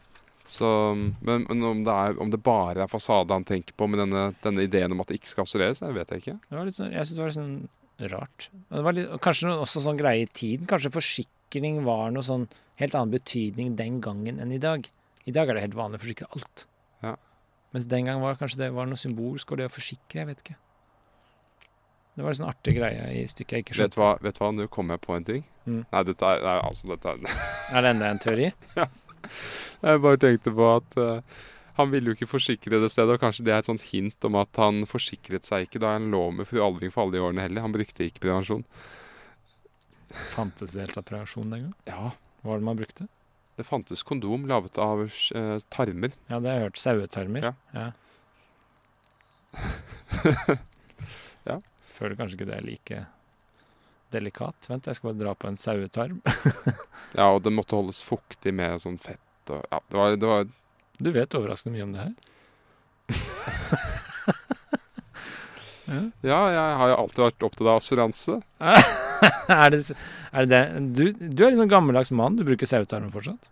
Ja, ja. Det er det du Nei da, det, det gjør jeg ikke. Men eh, du vet, i gamle dager så På Rembrandts tid så hadde man jo maling, ferdigblandet maling, linoljemaling hadde man også i tarmer. Ja. Så han hang dem opp, eller han hengte dem opp i tarmer eh, sånn, og så skviste han på nesten som om det var Ja, ja, ja. ketsjup eller Mm. sennep ned på paletten. Nei, tarmer har jeg brukt mye. Lage pølser og Tarmer er jo det. Ja. Skinner rundt pølsa. fantastisk. Mm. Undervurdert. Men eh, ja, OK. Men så det OK. Er det noe mer? Er vi ferdige, kanskje? Vi har brukt Jeg mye. tror jeg er ferdig. Dette Ja. var uh, a mouthful, som man sier på engelsk. Som uh, Osvald ville sagt. Ja. ok. Ok. Men da er det altså en folkefiende neste uke. Ja. Jeg syns det var veldig interessant. Det er gode teorier. Jeg liker Ja. sånne teorier som liksom på en måte åpner nye dører. Ja, det er, det er jo det som er fantastisk med dette stykket. Mm. At det er så masse Altså, hvor mange avhandlinger kan man skrive om gjengangere, egentlig? Ja, ikke sant. Jeg bare, når du satt og prata, så bare så jeg liksom bachelor- og masteroppgaver florere. Ja, du så det foran florere, øynene. ja, ja. Det som sånn Alle disse ivrige studentene som kommer. Jeg har en, eh, sett et, en setning i, på side tre som er hinter om at det var masse pedofili. ja. Ja. Så ja. Nei, men det er interessant. OK. Da ses vi neste gang, da er det en folkefiende. En ting vi ikke tok opp så mye i dag som vi skulle ha tatt opp. Hva da? Nei, det er kanskje litt sånn Hva er gjengangeren i våre egne liv? Oi, vi, vi har jo lova lytteren å Vi skal ikke begynne nå, men vi har jo lova lytteren å bruke det her litt mer, da. Ikke bare diskutere det helt Ja, det er sant. Gjengangeren. For det, det er jo det som er Vi sitter hjemme her, ikke sant? Det er gjengangeren. Nei, det gjentar seg. Vi kan jo forsøke oss litt, da. Ehm, du bare prøver jeg å begynne, og det er sikkert helt feil. Og du vet, det, det er alltid sånn hver gang når man skal begynne, så blir det veldig overfladisk. Mm. Og så kommer man dypere. Ja, Men ja, ja. det jeg tenkte på er en sånn gjenganger for meg, er at um, på prosjekter så går jeg så veldig inn i prosjektene at, at alt annet rundt meg blir helt sånn ødelagt. Helt øde. Ja, helt lagt helt øde. Uh, jeg bare tenkte på ja, dette museumsprosjektet som jeg holder på med. Det, det er liksom Det er tatt overalt, og det er så mange andre ting som blir forsømt. Det er derfor du liksom glemmer avtaler i kalenderen og kommer for seint Ja. og blir syk og Ja, men det er det. Ja. Det er det. Uh, at um, Det er jo ikke nødvendigvis sånn at jeg har laget en veldig sånn klar liste over hva jeg prioriterer, men det avslører seg mm. På at uh, visse ting blir bare helt Men tenker du nå på at dette er noe som gjentar seg i ditt liv, eller tenker du på at noe du arva etter din far? Eh, For det er jo det ja, gjengangeren er Ja, her, at det går det. i arv. Ja, kanskje det. Mm. Det er arvelære, ikke sant. Det, det gjentar seg. At jeg Mm. blir så veldig oppslukt i, i ting og lar andre ting forsømme seg. Og det Mm. er altså sånn Altså det er med skattsaken mot min far og alt sammen. Jeg er jo fortsatt overbevist om at det var en urettmessig dom eh, mot ham, men samtidig det var visse ting han ikke ga oppmerksomhet til, som Mm. andre mennesker jeg, jeg, har- ja, jeg, har et, jeg har et inntrykk av at andre mennesker, vanlige mennesker er mye flinkere til å balansere de ulike tingene i livet Ja. sitt. Og det, det har jeg til felles med min far, at alt, alt, bare, alt bare Mm. forsømmes. Det som jeg ikke finner interessant, det bare forsømmes Mm. fullstendig. Hvem er det ligner mest på, mora eller faren din? Ja, nei, det er nok far. Det er nok far. Men uh, du spør feil person. du spør en uten oversikt. En som sitter midt i stormen. som, ja, en som ikke har kommet i 40-åra ennå, som har begynt å se bakover. Ja, Ja. Han har ikke gravd seg ned i barndommen ennå. Du da, har du noen gjengangere? Nei, altså det er alltid sånn trekk du ser, ikke sant. Altså sånn Jeg ligner på min mor innvendig og min far utvendig. Um, ja. Den sånn, har jeg hørt før. det er sånn klassiker. Ja. Men uh, det er jo um, Gjenganger så ser du plutselig liksom sånn Shit, er jeg gjør jo nå akkurat bare det foreldrene mine gjorde, ikke sant. Mm. Det er sånn klassikeren. Uh, så ja. Orker ikke gå inn på det, kjenner jeg. Det er litt Men- sånn kommunikasjoner. Føler jeg at mm, veldig mye av gjengangene går på måten man kommuniserer på og sånt. Og jeg kan være ufattelig dårlig på å kommunisere, Mm. som mellommenneskelig. Um, og ja, hvis, hvis noe har vært vanskelig, så vil jeg bare komme meg videre. Jeg vil ikke snakke om det. Jeg vil ikke kommentere det. Jeg vil bare komme meg videre. Og det tror jeg er en arv fra min far. Mm. At uh, dvel, ikke dvel ved ting. Bare gå videre. Så, så hvis, hvis en relasjon er vanskelig, det er null sjans at jeg skal liksom snakke om det og røske opp i det. Men dette tror jeg er et veldig vanlig maskulint Ja, jeg tror det er et mannlig problem, for du Ja. sitter bare og snakker om meg nå også. Ja. Ja. Altså bare det der, du orker ikke å snakke om noe vondt og vanskelig, så du bare gjør noe annet. Men, men jeg tror at den, det, det blir veldig mye tydeligere i vår tid fordi kvinner er så likestilte menn, og vi Ja, altså vi, vi, vi er mye mer sammen direkte, og det, det kan bli kommentert på da, på en helt annen måte enn før i tiden. Men det er så, jeg syns det er så utrolig Altså, det er så vanskelig å snakke om det vanskelige. Ja, det, Det er det som er problemet. ja, ja, Så det er mye lettere å bare liksom gjøre noe annet, og så bare begynne å virke med noe, og så bare ikke snakke med noen, så går det over. Og så bare presser man det litt ned og håper det er der til du dør. Det er og så er det lite, føler jeg også at det er lite produktivt av og til å sitte og dvele ved ting. Så jeg bare sier det, ikke sant. Sier det sånn 'Dette er sånn og sånn', og så vil jeg ikke dvele mer med det. Ja. Og da vil jeg bare videre.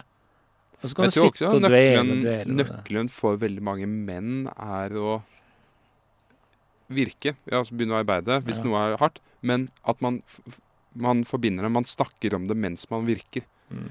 Eh, For dette med å bare sette seg ned med en kopp te og snakke om det, det er, det er noe veldig feminint over det. det. mm, Det ligger kanskje ikke til for menn. Nei. Uh, men, så de må virke. Men det er ikke dermed sagt at virkingen skal erstatte samtalen helt. Man kan for, forbinde dem, forene dem.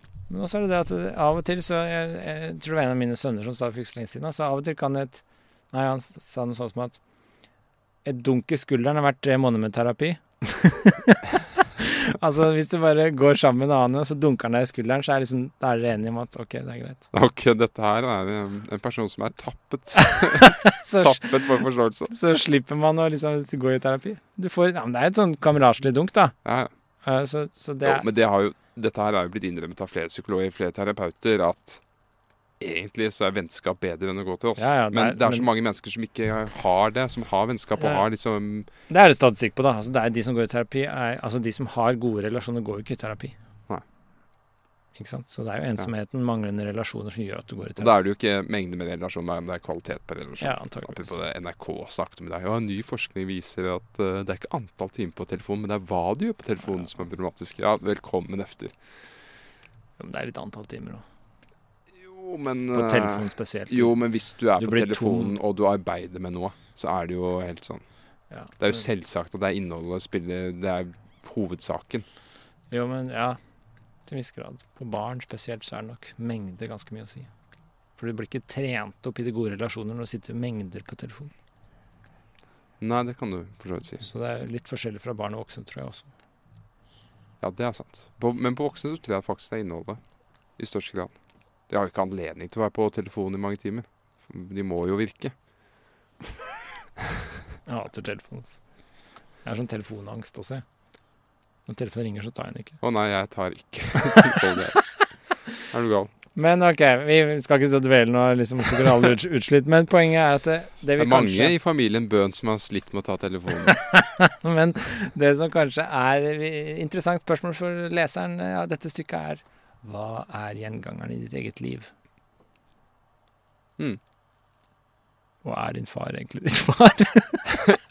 er du en lausunge? Jeg så det var noe sånn som 10-20% som ikke hadde de foreldre, faren de trodde. Det er jo mindre tvil om hvem mora er, ikke sant? Det er ikke sånn.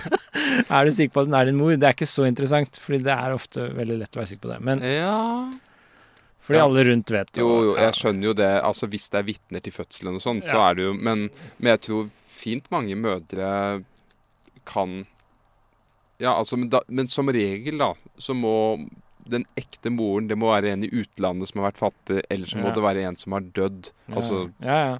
Men det er oftere at faren bare er en annen enn den du tror, da.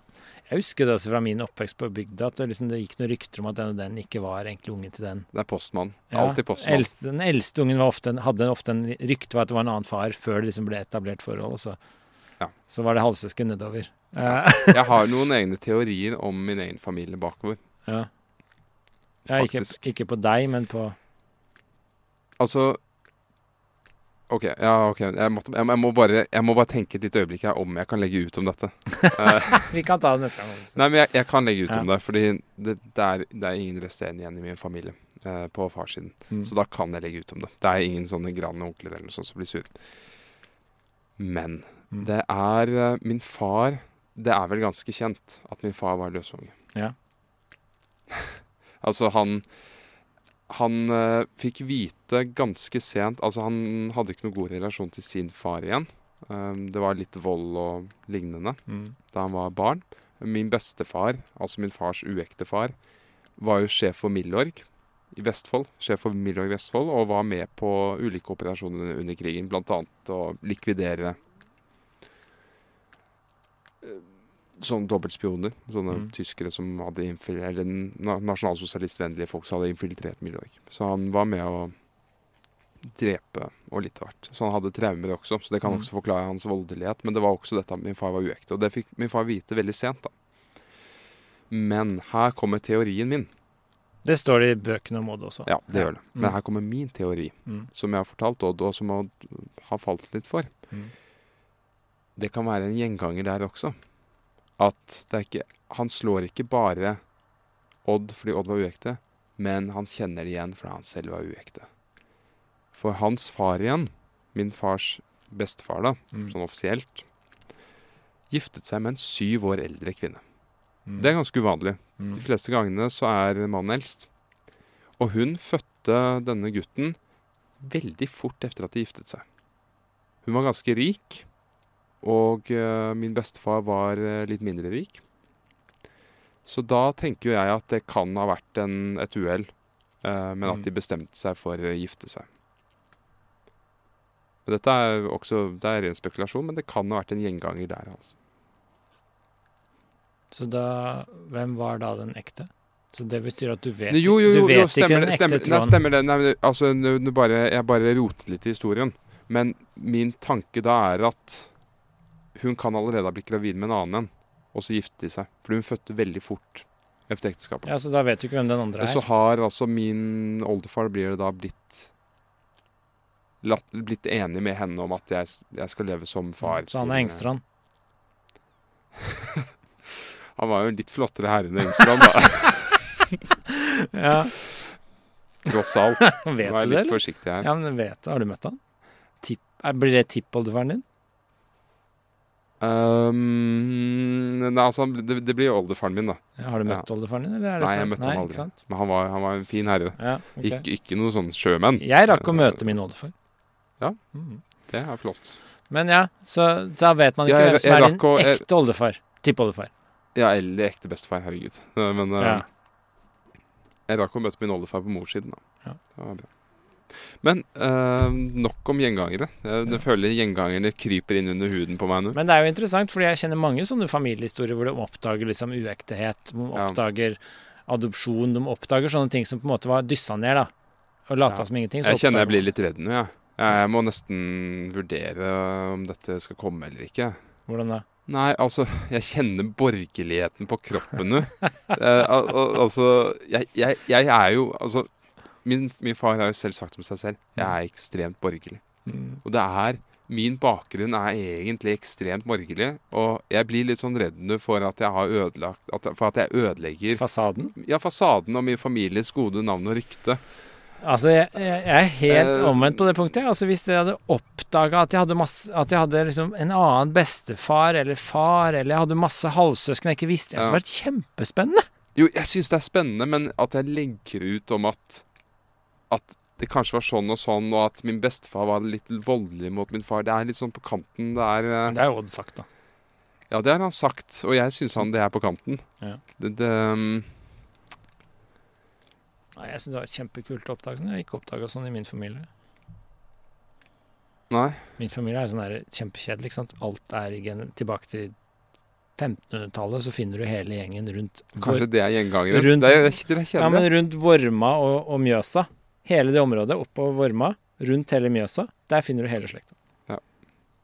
Både på begge sider. og alt er liksom henta derfra, tilbake i hundrevis av år. Mm. Så det er ikke veldig spennende. Det er noen spennende ting. Altså, jeg hadde jo Min tippoldefar var lærer på Bastøy. Ah, Han var en av de som banka unga på Bastøy. oi. Det er litt spennende. Mm. Min far ble ofte truet med å bli sendt dit. Han, Av sin mor, han, han slutta to, han slutta som lærer der to år før det opprøret i 1913. Mm. Så han slutta i 1911. Og så dro han til Vormsund, der jeg vokste opp, kjøpte seg hus, og, som er også nabohus til det jeg vokste opp. Mm. Der bodde han som eh, lærer og var kjempepopulær. og ingen, han snakket, Det var en hysj-hysj-ting at han hadde jobba på Bastøy. Ingen snakka om det. Kjempepopulær som lærer der. Ikke noe klager, ikke noe voldelig, og sang i kirkekor sine livsdager ut. Men før det jobba på Bastøy, Ja. i det systemet. Og det står i rettsdokumentene at han var en del av systemet, men ikke blant de verste. Ok. Så ja, alle har sitt. Så det, det var egentlig litt kjedeligere enn du, Ja, altså enn du ga meg inntrykk av i begynnelsen. Han var blant de snille lærerne. Ja, men han var jo en del av systemet, så han slo nok, han òg. Ja, Men han var han ikke blant de verste. Han dasket litt til dem, kanskje. han var ikke blant de verste. Men han eh, Ja. Så det er noen sånne ting selvfølgelig som er morsomt. Han hadde med seg Han var lausunge, da. Det er et godt poeng. Han var lausunge. Aha. Så faren hans dro til Amerika, så han møtte aldri Hadde ikke noe forhold til faren sin. Så han vokste opp med mora si, og det romantiske er at han hadde med seg mora si hele livet overalt hvor han flytta. Mm. Så når han fikk kone og barn, så var mora med. Okay. Så han hadde kona, kona, kona si og mora si i huset med seg. Han er Osvald, liksom. Ja.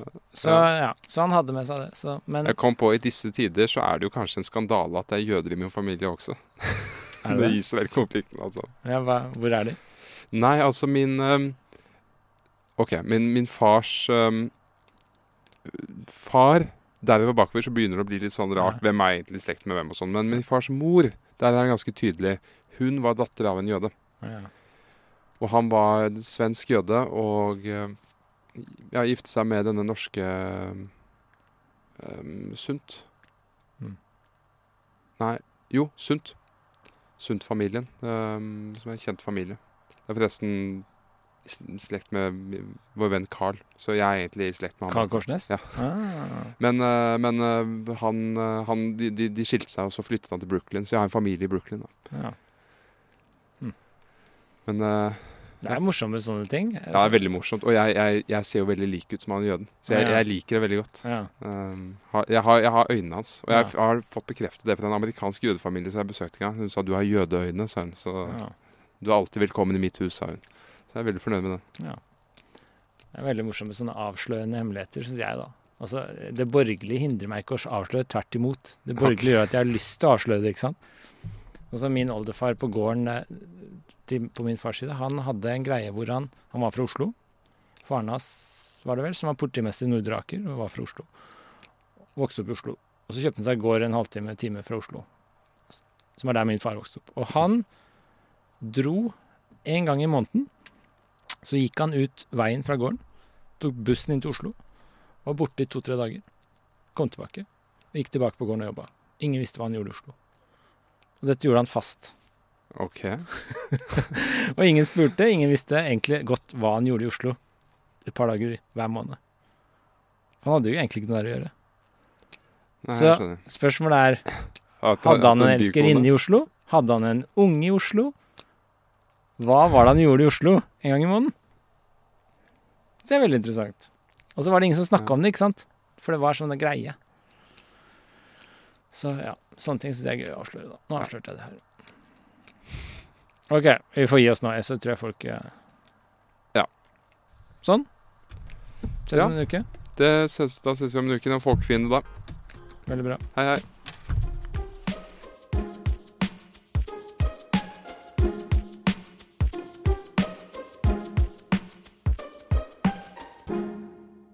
Produsert av Klinge.